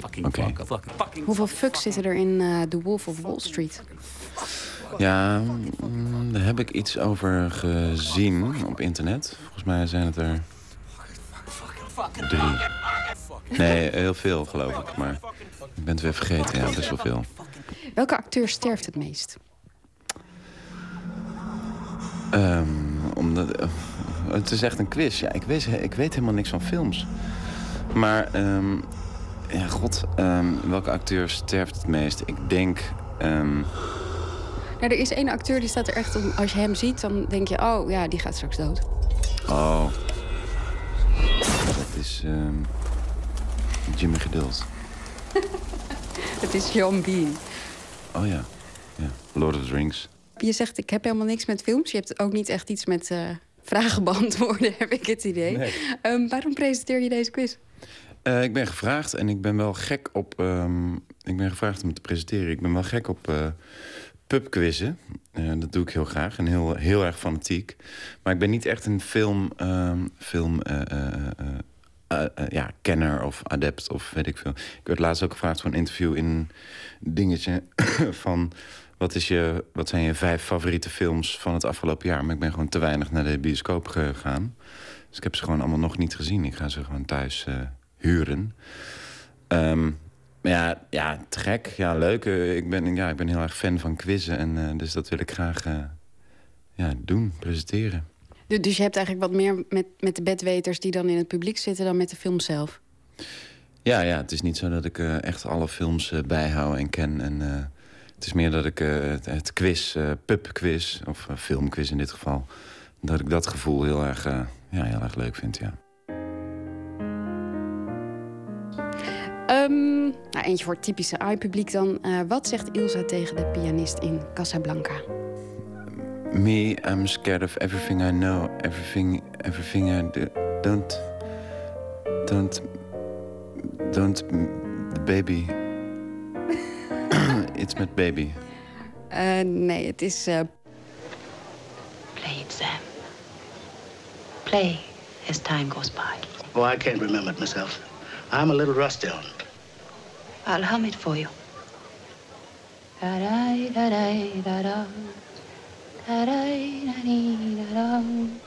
Prachtig, ja. Wat is er dan zo leuk aan pubquizzen? Dat het op maandag is en dat je maandag een plek hebt om naartoe te gaan om ook bier te drinken. Met een excuus, namelijk uh, we doen een quiz.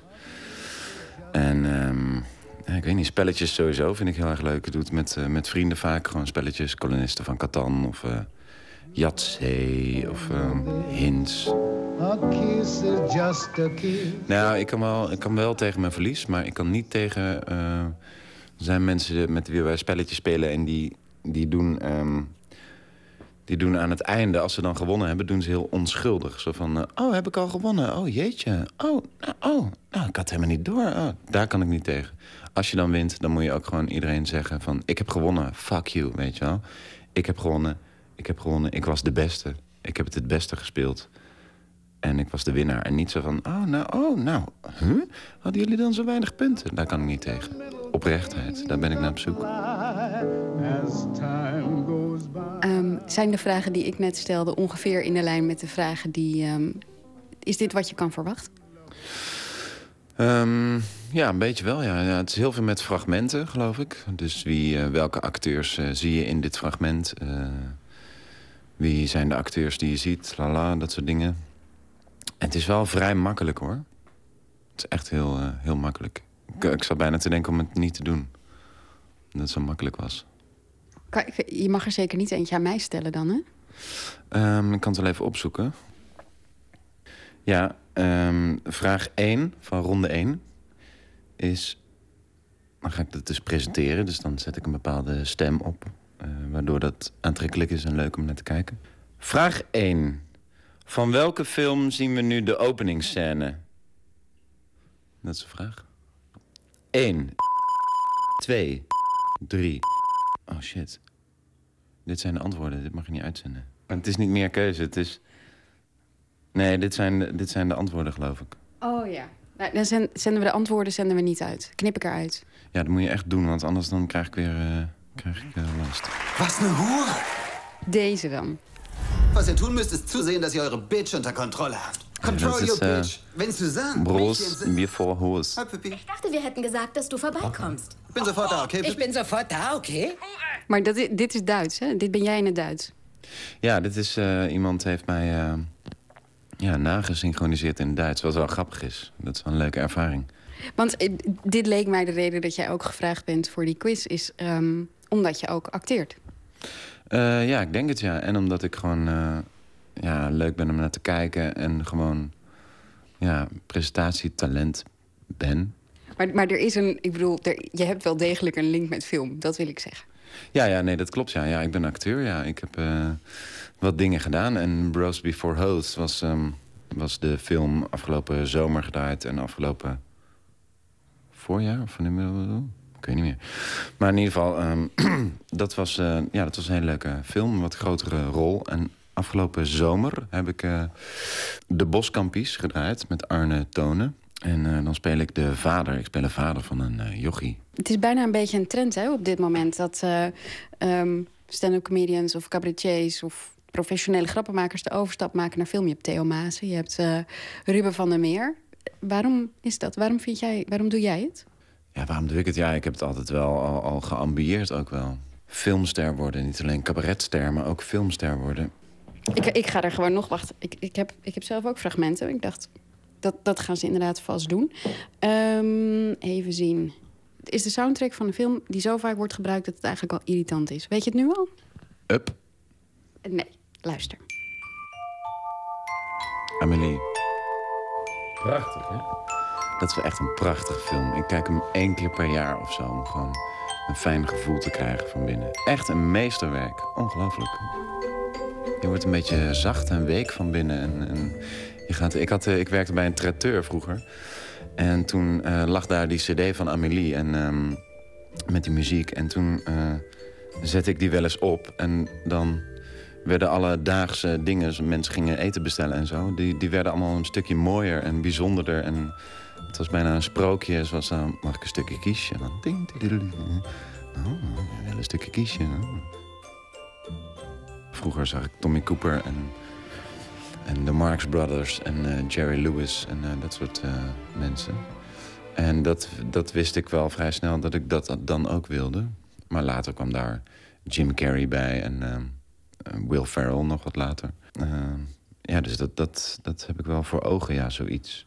Kijk, comedians of, of cabaretiers, die zijn natuurlijk avond aan avond bezig. Comedians nog iets meer, denk ik. Avond aan avond bezig om om hun, hun, hun ziel, ja, het klinkt heel zwaar, maar hun ziel, hun gevoel op tafel te leggen. Uh, uh, de dingen een beetje behapbaar en begrijpelijk te maken door middel van comedy en, en, en zo uh, geaccepteerd te worden of zo. Dus dat is heel kwetsbaar eigenlijk.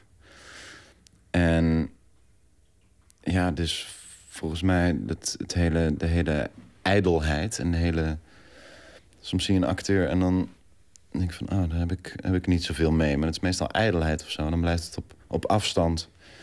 Dat je denkt, ja, hmm, hij heeft het niet tegen mij of zo. Hij speelt iets en het zal wel, ik snap wat het is, maar ja, ik, ik heb er niks mee. En comedians zijn toch um, avond en avond bezig om, um, ja, om het echt tegen de mensen te hebben. En echt uh, daadwerkelijk iets van zichzelf te laten zien of zo. Dus ja, dan zijn het dus hele goede acteurs. Je wordt een soort BN'er. Ja, dat hoort erbij. Ja. Ik hoorde laat iemand op uh, tv zeggen... Dat was iemand bij zo'n talentenjacht of zo. Weet ik veel, gewoon iemand die er niet, totaal niet toe deed. Maar die had als actieplan had die um, exposure krijgen. Dus dat, zij was niet van, ja, ik, ik zing gewoon graag en ik kan niet anders. Dus, um, dus dat moet ik doen. Haar ding was meer van, ja, je moet natuurlijk een beetje exposure krijgen. Dus daarom ben ik nu op tv. En dan uh, ja, ga ik kijken hoe dat uh, kan gaan, weet je wel. Terwijl ja, in mijn uh, ideale wereld is dat omgekeerd. Dat je gewoon iets heel goed kan. En dat daarbij komt dat je ineens interviews moet geven... voor midden in de nacht op de radio. En dat je heel ongemakkelijk voelt de hele tijd. Het zijn de vragen van de quiz, hè? Ja, ja omdat ik, ik ben helemaal geen filmkenner. En ik doe dit gewoon voor geld. Ik bedoel, ik krijg daar 50 euro voor. En uh, ja, wie zou dat niet laten liggen? Uh, 50 euro is 50 euro en daarom ga ik daar gewoon heen.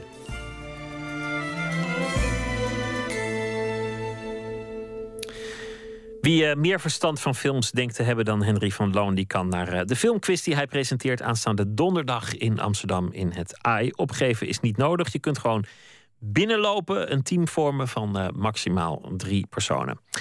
De godvader van de Jamaicaanse rocksteady. En rocksteady was dan weer de opvolger van de ska en dan weer de voorloper van de reggae. We hebben het over het einde van de jaren 60. We gaan luisteren naar uh, de man met een cover van een nummer van Junior Walker. What Does It Take to Win Your Love? Hier is Elton Ellis.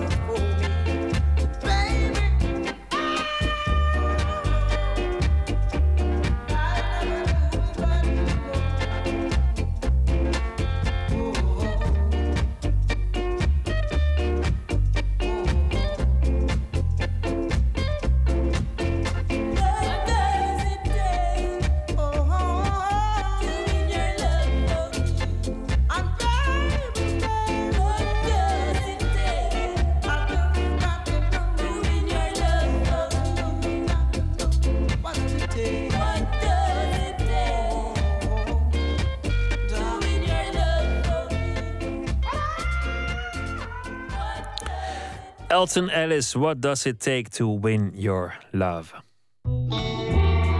Nooit meer slapen. 14 jaar na zijn dood moet er een nieuwe biografie komen over uh, tv-maker, schrijver en uh, verzamelaar Boudewijn Bug.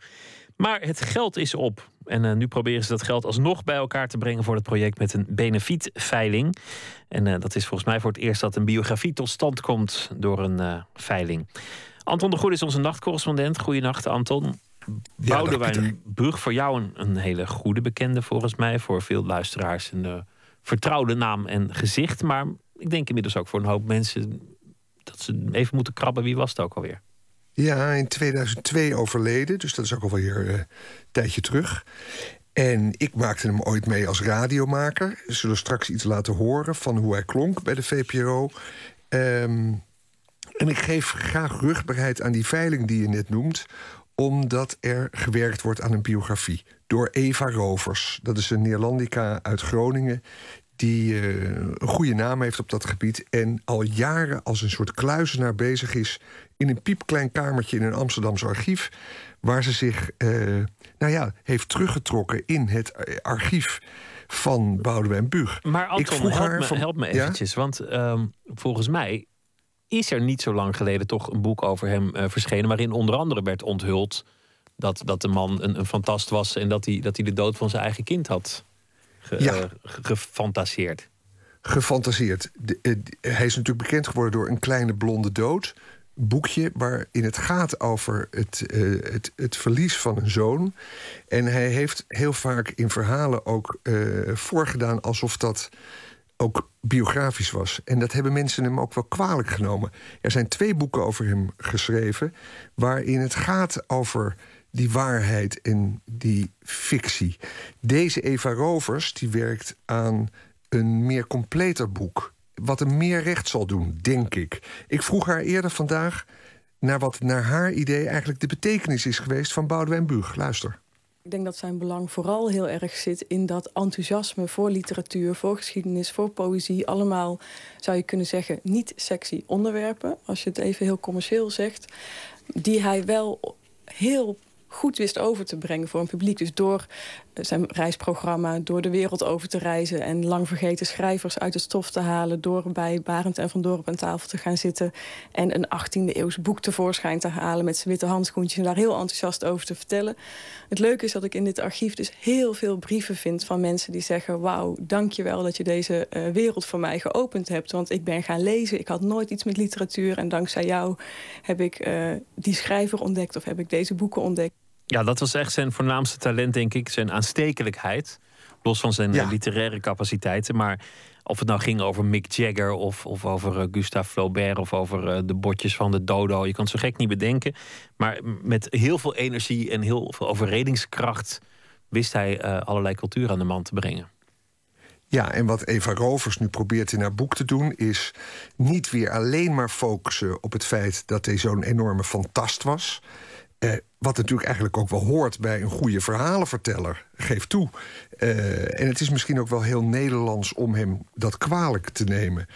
Eh, bij de VPRO maakten maakten we hem mee in 1982. Dat was ook voor mij al heel lang geleden hoor, want ik was toen piepjong. Maar toen ging hij op reis samen met verslaggever Paul Albers. Bug was toen 33 jaar oud. En hier hoor je heel goed zijn passie voor in dit geval de jong gestorven Engelse schrijver Rupert Brooke. En die hoorde hem ook daarover over praten, samen met Paul Albers. En Bug geeft ook hier passant iets prijs over zichzelf. Luister. Hoe lang eh, heb je deze obsessie al, eh, Rupert Brooke? Nou, Rupert Broek het is uit 1964, Rupert Broek. Je weet het nog? Ja, ik weet het precies. In de schoolbloemlezing zat ik te loeren. Dacht ik, god, eh, de Soldier las ik daar het gedicht. If I should die, I think only this of me. En dat vond ik zo'n heroïsch prachtig gedicht. God, ik was toen wat zweverig. En eh, jonge jongen, sentimenteel, gescheiden ouders, noem maar op. Dat sprak me ontzettend aan. Later ben ik een biografietje van hem gaan kopen. En toen is dat leven me ontzettend gaan imponeren. Hij heeft dus alle durf. Wat zo paradoxaal klinkt, omdat ik wel ook veel reis. Maar hij heeft een, een, een, een inzet voor reizen, een brutaliteit die ik niet heb. We doen alle twee hetzelfde, maar hij is veel brutaler en veel directer. Ik, eh, ik word al bang als ik denk, oh god, kom ik daar in een Floyo hotel en misschien kan ik die taal niet spreken. Wat mijn angst is, en al die keren in Portugal, zelfs de, de derde keer dacht ik nog, oh jezus, straks verstaan ze weer niet. Valt natuurlijk al zeker mee, want ik ben nou net geen randebiel. Valt mij best mee. Heel gek is dat. Ja, over Rupert Brooke, die toch vooral de geschiedenis is gegaan, eh, in is gegaan als een van de oorlogsdichters uit de Eerste Wereldoorlog. En dan vooral uit de eerste wat optimistischer fase van, eh, van die oorlog. Wat je zegt, Bug die vertelt hier ook iets over zichzelf. En eh, Anton, het, klinkt ook lekker rommelig. Ja, het klinkt rommelig. Ze zaten in een vliegtuig, dat vergat ik erbij te zeggen. Zij gingen voor de VPRO richting eh Fiji-eilanden. en reisden de reizen na van die Rupert Brooke geweldig... toen de budgetten nog ruimer waren dan heden ten dagen. Ehm, en ja, hij heeft het in een ander fragment over escapisme... wat hij eh, eigenlijk ook ziet om zijn, zijn, zijn depressies eh, te lijf te gaan. Net zoals die Rupert Brooke. Weltschmerz, dat was ook een kernwoord. Die Eva, ehm, die moet die biografie afmaken... en die moet schrijven over de achtergronden van Boudewijn Buug.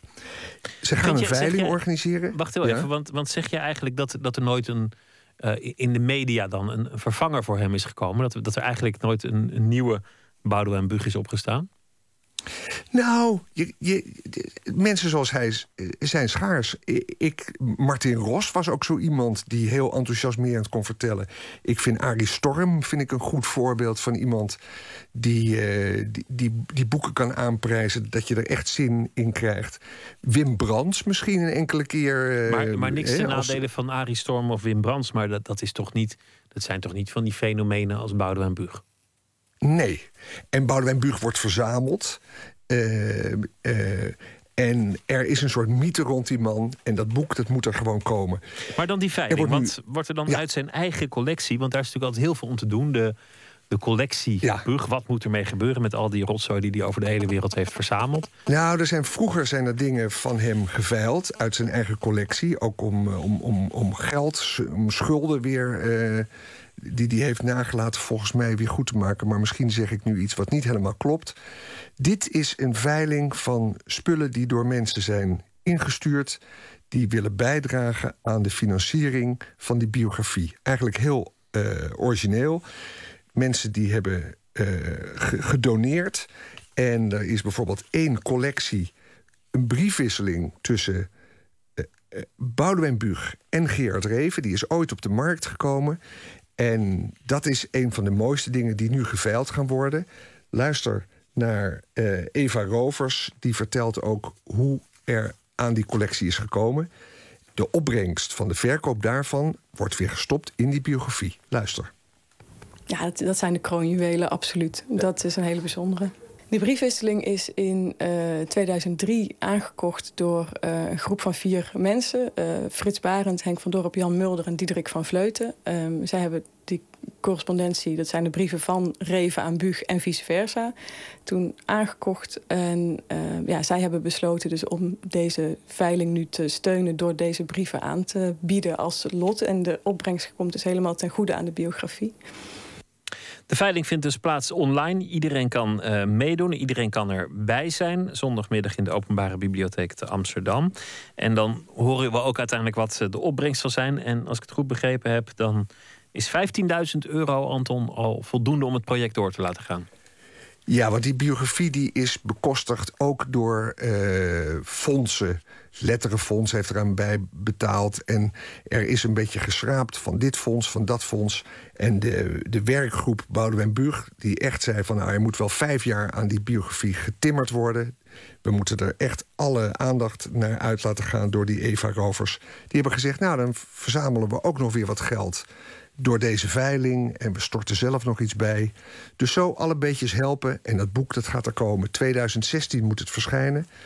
En eh, komende zondag, inderdaad, er wordt gericht op 15.000 euro. Ja, wat, dat is eigenlijk. zijn vandaag miljoenen geschonken aan het Rijksmuseum. Dit is natuurlijk peanuts, maar wel een heel mooi initiatief. Anton de Goede, dankjewel en een goede nacht. Het Engelse trio London Grammar bouwt muzikaal voort op wat ooit heette de trip-hop, voor wie het nog weet, eh, begin jaren 90, Portishead, Massive Attack. Bristol was de bakermat van het eh, genre. Van London Grammar is dit het nummer uit 2013, Strong.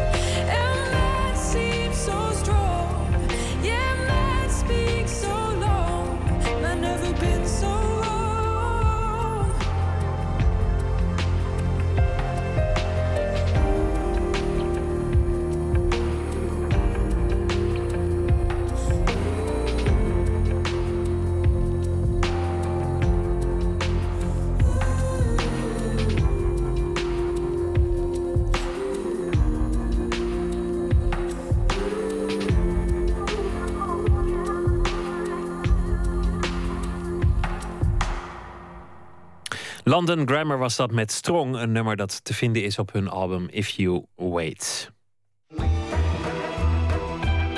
Nooit meer slapen. Minister Asser heeft er al voor uh, gewaarschuwd en Stephen Hawking die had het er ook al over. Maar uh, voor de meeste mensen gebeurt het nog subtiel. Er worden grote stappen gemaakt op het gebied van kunstmatige intelligentie en robotica. Wetenschappers werken hard aan systemen die steeds beter kunnen rekenen, denken en voorspellen. Maakt heel veel apparaten handiger, maar langzaamaan worden ook heel veel menselijke taken overgenomen van de, de mens door de robot. Komt er misschien een moment waarop de verschillen tussen mens en computer daadwerkelijk zullen vervagen? Filosoof en schrijver Jan Drost buigt zich over de vraag of een programma de mens zou kunnen vervangen in toch wel een van de meest complexe gebieden, de liefde. Verslaggever Maarten Westerveen zocht hem op. How do you share your life with somebody? Well, we grew up together. I used to read all of her writing all through her master's and PhD. And she read every word I ever wrote. And we were a big influence on each other.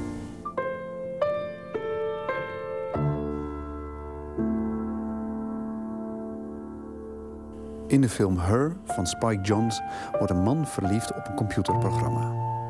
Het programma, Samantha, ontwikkelt een eigen stem en persoonlijkheid en lijkt in haar karakter volledig op een mens. Dat ze de stem heeft van Scarlett Johansson is natuurlijk een mooie bonus. Maar vreemd als die promisse ook klinkt, hij wordt steeds waarschijnlijker. Kunstmatige intelligentie wordt met het jaar intelligenter.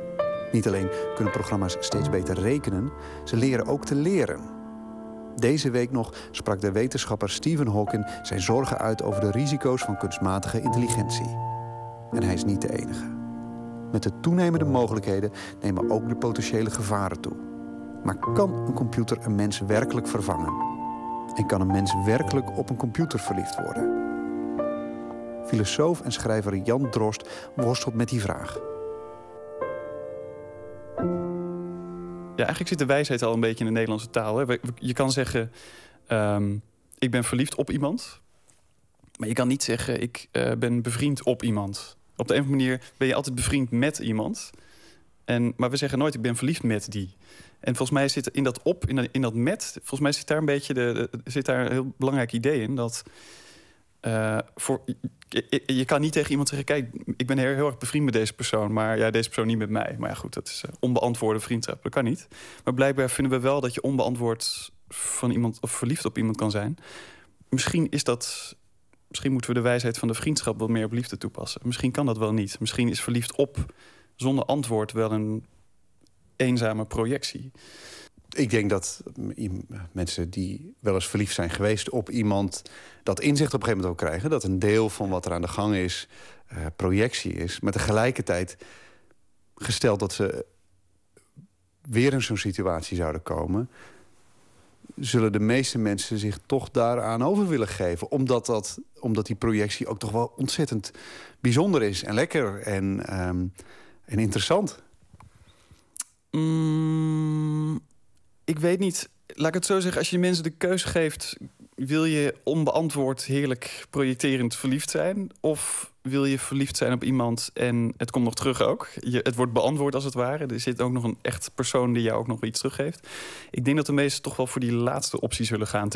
Tenzij je misschien zo vaak teleurgesteld bent... dat je zegt, geef mij maar een... Uh, geef mij maar een surrogaat. En het lijkt een beetje alsof die film ook daarin zit. Want het interessante aan de film Her vind ik... Um, dat het, het kiest niet de makkelijke weg. Hè? Je hebt ook een film als Airdoll bijvoorbeeld. Dat, dat is dan een man die, nou ja, die vooral seks heeft eigenlijk met een opblaaspop. En, um, maar je ziet eigenlijk dat die man volstrekt relationeel ongeschikt is. Ik bedoel, die, die heeft eigenlijk nog nooit een relatie gehad en daarmee heeft hij een pop.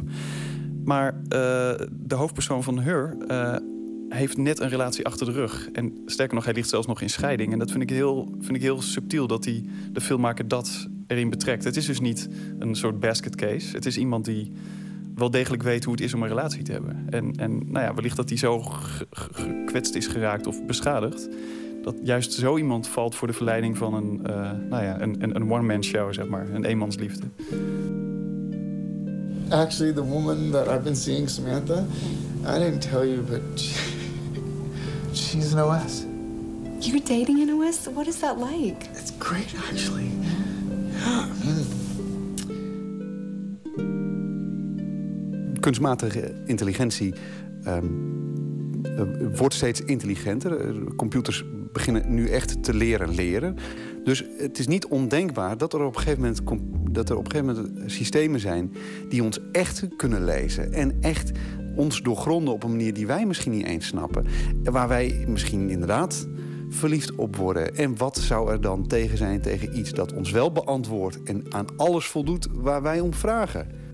Laat ik het zo zeggen, dat vind voor mij is het geen utopie, maar een dystopie. Want ik, ik vrees, ik, laat ik het zo zeggen. mm, dan wordt de vraag, kijk, je kan zeggen, kijk, dan wordt het verschil zo klein tussen een relatie met een mens of met een robot of met een computer. Hè, waarom, zou je, waarom zou je daar nog een probleem van maken? Maar je kan het ook omdraaien. Dan wordt het, het verschil zo moeilijk te maken, maar nog des te belangrijk om het verschil wel te maken. Volgens mij is er een wezenlijk verschil tussen ehm, verliefd zijn op een computerprogramma, een robot of een mens. En dan kan je zeggen, oh ja, wat dan? Nou, volgens mij is precies die vraag echt essentieel. En, eh, en het gaat echt terug naar de basis. Ik bedoel, wat is liefde? Is, is liefde inderdaad ehm, iets of iemand, hè, dat doet er dan niet toe, iets of iemand blijkbaar, ehm, wat beantwoordt aan al mijn behoeftes? Of is liefde wellicht iets anders? Is liefde, heeft dat meer met nou ja, openheid voor een ander mens te maken. Misschien zelfs met zorg voor een ander, verantwoordelijkheid voor een ander. En het kan heel prettig zijn dat je dat allemaal niet hoeft te leveren aan een robot. Je hoeft hem alleen maar in te pluggen eh, en zorg dat hij zijn eh, stroom krijgt. Maar misschien is dat niet wat liefde is. Eh, iets of iemand die precies eh, is zoals ik dat wil. En dan zeggen ze, nou weet je wat, dan passen we dat ook aan. Zorgen dat er wel, een paar scherpe randjes aan zitten. Zorgen dat er ook dingen verlangd worden. We maken gewoon iets dat als een, hè, in die zin als een mens functioneert. Is het dan ook nog een bezwaar? Ehm, ik denk dat het dan eigenlijk nog, nog problematischer wordt. Het is ook moeilijk hoor. Ehm, nou ja, ik, ik vraag me af waarom zou je zo ontzettend je best doen om iets te maken, het zelf te produceren, wat, wat in, die zin, nou ja, eh, een soort instrumentele oplossing voor een behoefte aan liefde. Waarom zou je zo ontzettend veel investeren in iets maken wat er al is, namelijk een ander mens? Waarom zou je dat doen? Er zijn toch al mensen van wie je kan houden? Earlier, I was thinking about how I was annoyed, and this is going to sound strange, but I was really excited about that. And then I was thinking about the other things I've been feeling, and I caught myself feeling proud of that, you know, proud of having my own feelings about the world, like the times I was worried about you, things that hurt me, things I want. Het klinkt alsof het ook een, een, een meer instinctieve afkeer voor je is. Ja, ik vind instinctief vind ik een lastig woord. Eh, je zei, ja, laat ik het dan, dan vraag ik- ik vraag me altijd wel af wat ik er zo op tegen heb. Dat klopt. Nou ja, het is ook niet voor niks dat ik een boek geschreven heb wat één groot plei- pleidooi houdt tegen eh, romantische fantasieën. En een pleidooi voor relationele openheid voor elkaar. Ehm, en het feit dat ik romantiek en liefde zo tegenover elkaar stel, is dit eigenlijk het verlengde van. Hè? Want ehm, ehm, ik, ik merk, en ik, misschien is dat van alle tijden, maar het lijkt in onze tijd nog meer eh, dat we geneigd zijn om, om, ons te vereenzelvigen. Om steeds meer een soort consumentenhouding aan te nemen ten opzichte van het leven. En nou is er niks mis mee dat je shoppend je kleren bij elkaar zoekt. Maar als je op zo'n manier je ook tot andere mensen gaat verhouden. ehm, ja, dan wordt het hele, het hele begrip liefdesrelatie wordt dan iets heel egocentrisch eigenlijk. Hè? Wat, bedoel, wat is een goede relatie? Nou, datgene of diegene eh, die al mijn behoeftes bevredigt, die er altijd voor me is. En de, het is een soort consumentenhouding. Ehm, en ik vrees dat die verleiding daarvan zo groot is en zo gevoed wordt, ook door de commercie en ook nu door de techniek. Zelfs de techniek gaat nu meehelpen om, om die houding eh, eh, ja, te, te, te bevorderen. En zorg vooral dat, dat alles en iedereen er moet zijn voor jou.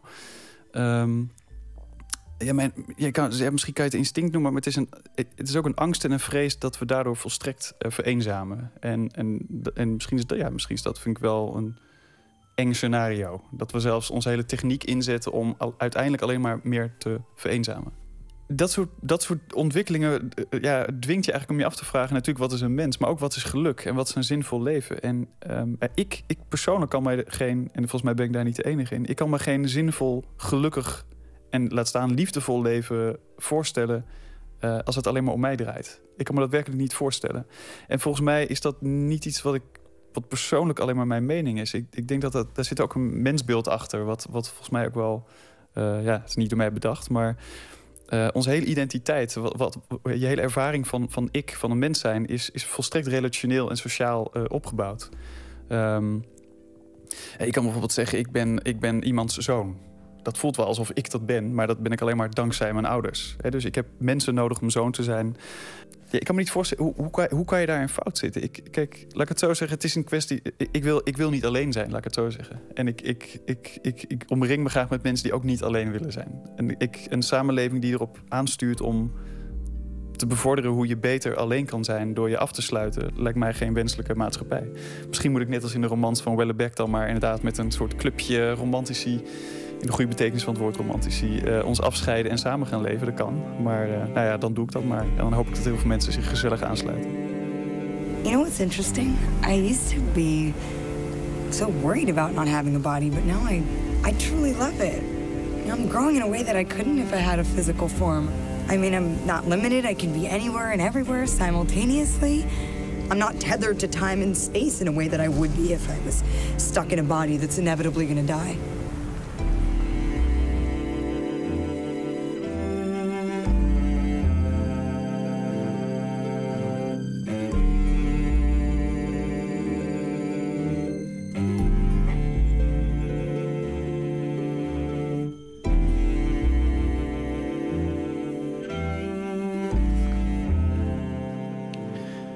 Maarten Westerveen was dat eh, in gesprek met filosoof Jan Drost, schrijver van Het Filosofisch Misverstand. Komende woensdag kunt u hem horen spreken in Nijmegen voor het eh, Soeterbeek-programma in eh, die stad.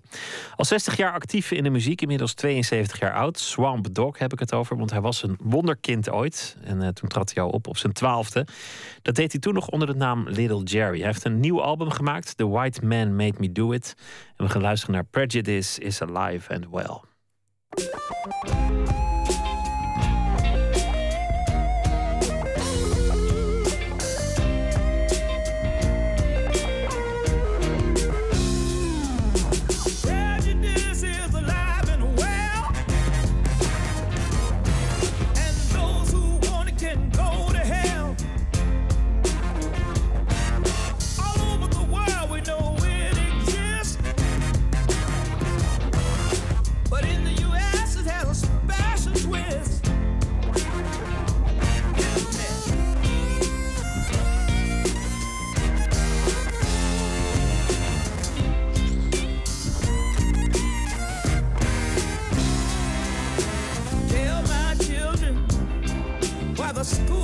so poor.